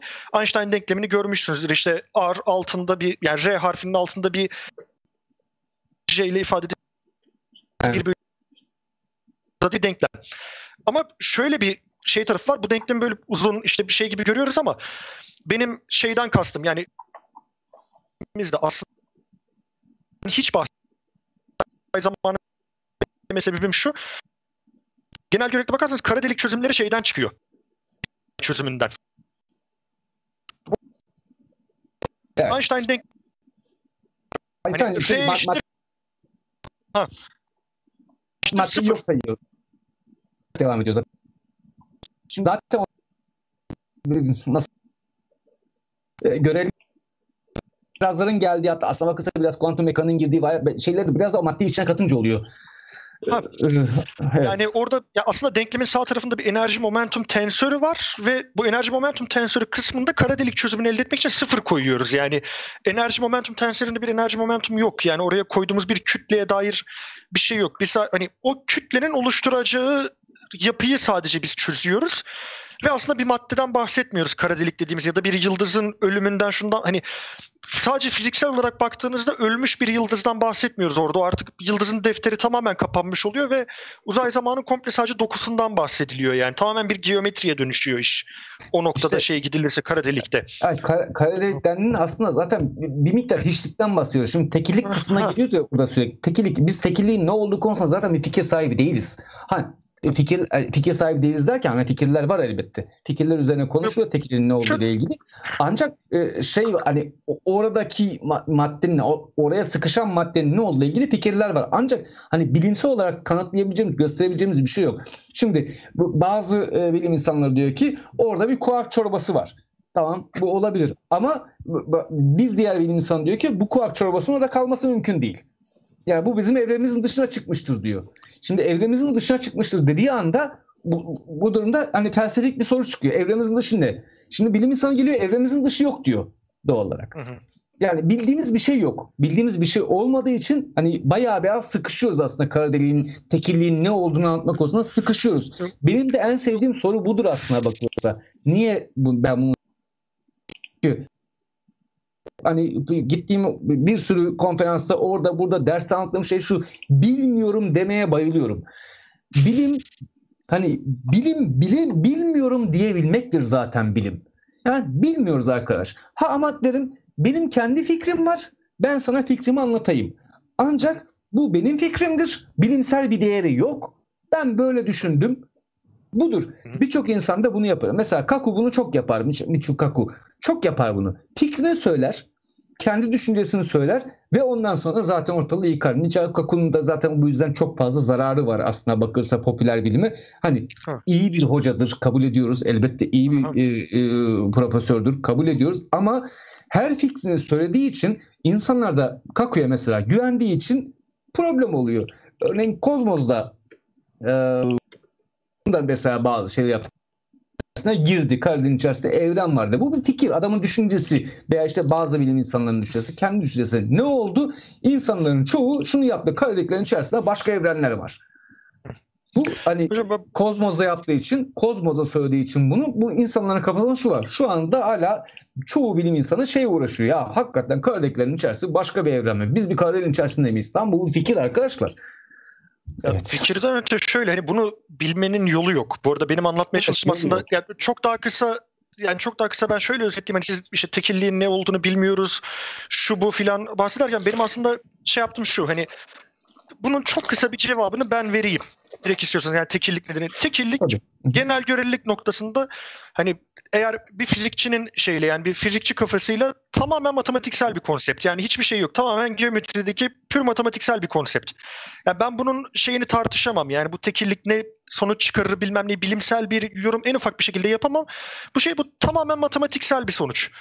Bunun verdiği bazı sonuçlar var. Yine oradan birkaç hesapla çıkarttığım birkaç sonuç var. Ama onun dışında şey yok. Yani tamamen soyut bir konsept yani tekillik şey değil. Yani bir somut bir karşılığı doğrudan nedir diye açıklayabileceğim somut bir karşılığı yok. Bu soyut bir kavram yani. Hatta biraz daha şey örnek vereyim. Siz mesela popüler bilimde anlatılırken kara delikleri anlatmak için hep Schwarzschild yarıçapı ve şeyden bahsedip işte um, olay ufkunun yarıçapıdır Schwarzschild yarıçapı falan diye derken bu arada bununla ilgili bir detay şey vereyim. Bu aslında dönmeyen kara delikler için. Yani kara delik eğer dönmüyorsa ha, böyledir. Dönmüyorsa evet bir de var. Ha, ya, şimdi bu da, bu dönmüyorsa da ve elektrik mesele. yükü yoksa.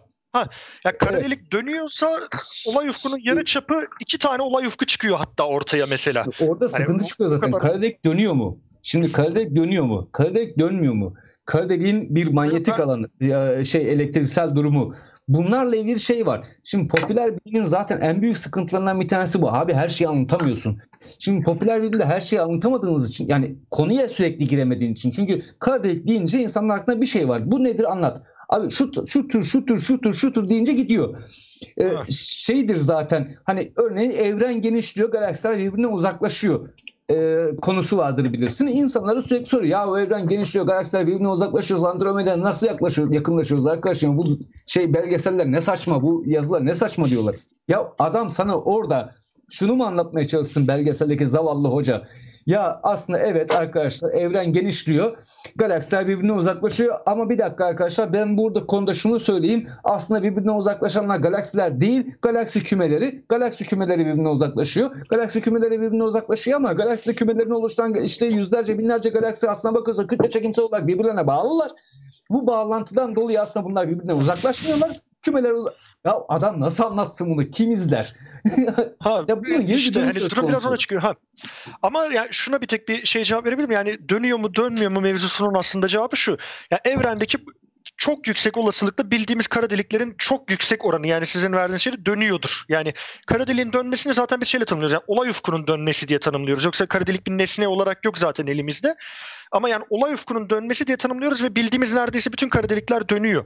Yani şey değil bir Hı. tamamen durağan bir kara delik hayal etmesi çok zor. Yani çünkü yıldız halleri de dönüyordu ve dönerken var olan bir sizin de bahsettiğiniz gibi bir şey açısal o momentum sıkı- var ve bu o- açısal o- momentumu koruyor. o sıkışma dur- durumunda zaten hani eğer mad- kara deliğin bu arada şey var buradan yine şu konuya geliyoruz. Şimdi kara deliğin gerçekten dönüp dönmediğini de bilmiyoruz ama dönmesi gerektiğini düşünüyoruz. O, o Şöyle, yoğun ben sıkışma fotoğrafını çektiğimiz kara delik dönüyor hocam onu biliyoruz mesela. Yani fotoğrafını çektiğimiz kara deliğin Hayır. döndüğünü biliyoruz. Hayır, döndüğünü düşünüyoruz. Şimdi şu var hani bunu e, şimdi gözlem imkanımız olmadığından dolayı hani bu arada gördüğün döndüğünü düşünüyoruz derken yanlış da değil. Sizin söylediğiniz de yanlış değil. Çünkü elimizde matematiksel bir model var. Matematiksel modele Ya, uygun davranmak zorundayız. Matematiksel model bize o kara deliğin döndüğünü çevresine e, nasıl diyeyim o, o olay ufkunda birikmiş madde diskinin fotoğrafını çektiğimizde elimizdeki matematiksel modele oranla benzer bir e, cevap veriyorsa zaten doğrudur bizim matematiksel modelimiz. Yani o kara delik zaten dönüyordur.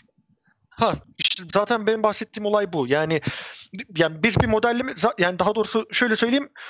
Bu kara deliğin şeyini yapmadan önce e, fotoğrafını yani bu bu kara fotoğrafını bu programla elde etmeden öncesinde bir simülasyonları yapılmıştı. 50 ayrı çeşit resim oluşturmuştuk biz farklı farklı modellere göre. Ve bu modellerden eşleşen model hani farklı farklı dönüş hızlarına, farklı farklı açısal momentumlarla aynı model modellendi ve hani ya durağan bir model benim bildiğim kadarıyla yapılmadı bile. Yani durağan bir model tasarlanmadı bile. Durağan olmasını beklemiyorduk bile onun. Ve dönen kara delik çözümüyle yaptığımız e, modellemeler yani bunu da belli bir hızla döneni bize en güzel resmi verdi ve bu iki resim bayağı üst üste harika örtüştü yani şeyde bu kara delikte. Ya bunun Evet, üzerinden biz şey olarak söylüyoruz. Bu da zaten şu anlama geliyor. Matematiksel modellerimizin doğruluğunu zaten yaptığımız gözlemlerle görebiliyoruz. Doğruluğunu derken ne kadar ne oranda doğru olduğunu görebiliyoruz. Bu hani şey, bilim kanıtla ilerler meselesi vardır ya. Kanıt, kanıt, kanıt, kanıt, kanıt koyuyoruz üzerine. Ee, Birçok insan şey yapıyor. Bir kafasından bir model oluşturuyor, bir fikir oluşturuyor. Kafasında oluşturduğu fikri diyor ki ben bunu çözdüm diyor. O kadar çok var. Size de geliyordur belki de. Bazen kozmik anafor da geliyor. Oradasınız zaten. Ha, Özellikle bir- bir orada. arkadaşımız var. Özellikle bir standart bilmiş bir abimiz var yani. Evet o zaten o her şeyi çözmüş kendi kafasında. Hani geliyor yani şey ya ben ona özelden yazıyorum artık. Ya Şimdi onu da gönderemiyorum. Neden gönderemiyorum? Hani normal şartlarda kozmik anaforda bu arkadaşlar biliyorsun e, çıkarılıyorlar. e, bazı özel kişisel sıkıntılarından dolayı hani orada ona moral destek olmamız lazım olduğu için tutuyorum. Tutmamız gerekir. Hatta yöneticilerimiz söyledim. Bunu bu arkadaşa bir şey demeyin. Konuşsun orada. Çünkü moral destek lazım bu arkadaşa. Bununla yaşıyor. E, ya da moral buluyor. E, şimdi ama yazıyor yazıyor yazıyor yazıyor yazıyor ve o doğru zannediyor. Onun dışında bu, bu arkadaşı ayrı tutarsak başka da bir sürü insan var e, dünya üzerinde. Kendi kafasına bir fikir oluşturuyor ve o fikri örneğin yıllardır uğraşıp çözemediğimiz zavallı Ögetay Kaya'nın, zavallı benim, e, işte bizim Kozmik Afro'da başkanının başına bayağı dert olmuş Kepler kanunlarının yanlış olduğunu ısrarla dile getiren bir arkadaş var. Ve de çok ilginç bu arkadaş çok iyi matematik biliyor. Yani inanılmaz iyi matematik biliyor ve kanıtla geliyor bize. Bakıyoruz kanıtına e, yanlış. yanlış. Diyoruz bu yanlış. Bizi şeyle suçluyor bundan sonra e, bunu yaptığında. Siz satılmışsınız. Siz şu an işte e, Amerikan düzeni işte şu, şu düzen genel dünya üzerindeki bilimsel Einstein'cı çete falan işte onun gibi falan. Böyle bir durum var. Yani evet kanıt lazım. E, bunlar da işte dediğin gibi Hı. o kara delik fotoğrafı da belli bir şey fikrin e, belli bir hesabın kanıtlanmasına yarıyordu. O dön, dönmenin e, kanıtlanmasına yarıyor zaten hani e, insanların çoğu şeyden okudu e, bu kara delik e, olayı fotoğrafını. Popüler kozmik ağacına evrim kozmik e, anafordan, evrim ağacından, e, işte gazetelerden, başka bilim sitelerine hayır öyle değil. Aslında şeyini okusalar hani yayınlanan e, bu konudaki daha detaylı bilimsel makaleler okusa burada dil bilmemek zaten sıkıntısı oluyor aslında okullardan okullarda bu sıkıntı var. Oradan okusalar zaten görecekler bazı şeyleri. Daha iyi anlayacaklar. O yüzden zaten Türkiye'de kara delik fotoğrafı diye geçti. O kara delik fotoğrafı değildi. Kara deliğin olay ufkunun fotoğrafı evet. çekildi e, denilmesi yer ha, gereken. Aslında şey olarak fotoğraf. fotoğraf bile değil aslında yani elimizde evet, şey fotoğraf, fotoğraf bile değil. Yani dünya evet. üzerindeki 50 ayrı yerden yani 7 ayrı yer aslında da yani 7 ya da 8 ayrı gözlem evinden alınan 7. ha 7 taneydi. Ha. 7 yani radyo teleskop oluşturulan konsorsiyumun şeyi ha yani alınan dataların birleştirilmesi ve bu dataların birleştirilip bir görüntü oluşturulması için de yani binlerce satırlık kodlar yazıldı. Yani evet. bilgisayar bilimciler tarafından bir ya adam akıllı şey, şey var, e, e, Kem, Kem, Kemal de bilir mesela. Şimdi radyo teleskopla fotoğraf elde edemezsin. Radyo teleskop fotoğraf çekilmez. Kemal de bunu çok iyi bilir. Radyo teleskopla sen ha. veri alırsın. Sonra o veriyi görse, görselleştirmen gerekir. Ha işte yani bahsettiğim işte mevzuda yani tam olarak bu. Yani ortada bir fotoğraf çekmedik biz yani biz, biz bilmem 7 tane radyo teleskoptan kocaman radyo teleskoplardan veri topladık. Bazı akıllı benim bilmediğim kadar kodlama bilen insanlar çok güzel kodlar yazdılar bunlar görüntüye dönüştürülsün diye. Görüntüye ee, dönüştürüldü. Tamam çok güzel. Ve... Ben o zaman e, şimdi ha. çok ani bir zengin kalkış yapacağım. Şu anda telefonumun e, şarjı yüzde yedi. Şimdi yüzde ondan alta düşünce ne kadar hızlı gittiğini biliyoruz. Zaten şu anda 21, 30, 22, 30, 23, 30 e, iki buçuk saati geçtik. Saat 00.11. Nasıl saat gece yarısını nasıl geçtik onu da bilmiyorum. Kemal bir şekilde e, konuş bir şekilde yayını kapat ya. tamam. Bugün tamam, zaten evet, epey fazla uzatmışız yani, yayını. Ben de ee, sözde 10 dakika falan konuk olacaktım yani. burada bayağı zorbalıkla falan daha uzun süre kalmak değil. ağzına sağlık ya bence gayet iyi oldu renkli oldu yani yayına katılma. Ee, bu Zafer Hocam'ın da bahsettiği işte popüler bilim, bilim anlatıcılığı konularında tekrardan seninle bir yayın yapabiliriz. Güzel de olur diye düşünüyorum. Ee, o halde biz veda edelim artık. Saat zaten 12'yi 10 geçiyor. Ee, izleyen herkese çok teşekkür ederiz. Soru soran, chatte aktif olan, izleyen herkese çok teşekkür ederiz arkadaşlar. Ee, biliyorsunuz. Göğe Bakma Durağı e, her iki haftada bir şeklinde yapıyoruz yayınlarımızı. E, daha rahat bir şekilde yayın yapmak için, vakit bulabilmek için aslında. O yüzden 15 gün sonra yeni bölümüyle karşınızda olacağız Göğe Bakma Durağı'nın. Son olarak eklemek istediğiniz bir şeyler varsa Zafer Hocam veya Ata ekleyebilirsiniz. Ya ben izleyen kapatalım. herkese teşekkür ederim. İzleyen herkese çok sağ olsun. Teşekkür ederim. Ya bu saat iki buçuk saatten fazla zamandır bak tam olarak da göremedik. iki buçuk saatten fazla zamandır insanlar bizi izliyorlar. Sayıları da azalmadı. Zaten standart durdu yerde. Şu anda 32 arkadaşımız var ama bu iyi bir şeydir. Twitch için YouTube'da yayınlamadık. YouTube'da yayınlasak belki daha fazla daha rahat izleyecek insanlar. Çünkü Twitch'ten izlemekten hoşlanmayan insanlar olduğunu biliyorum. Yorum yapabilmek konusunda sıkıntı yaşadıkları veya işte e, biraz daha yavaş ağır olduğu için diyorlar.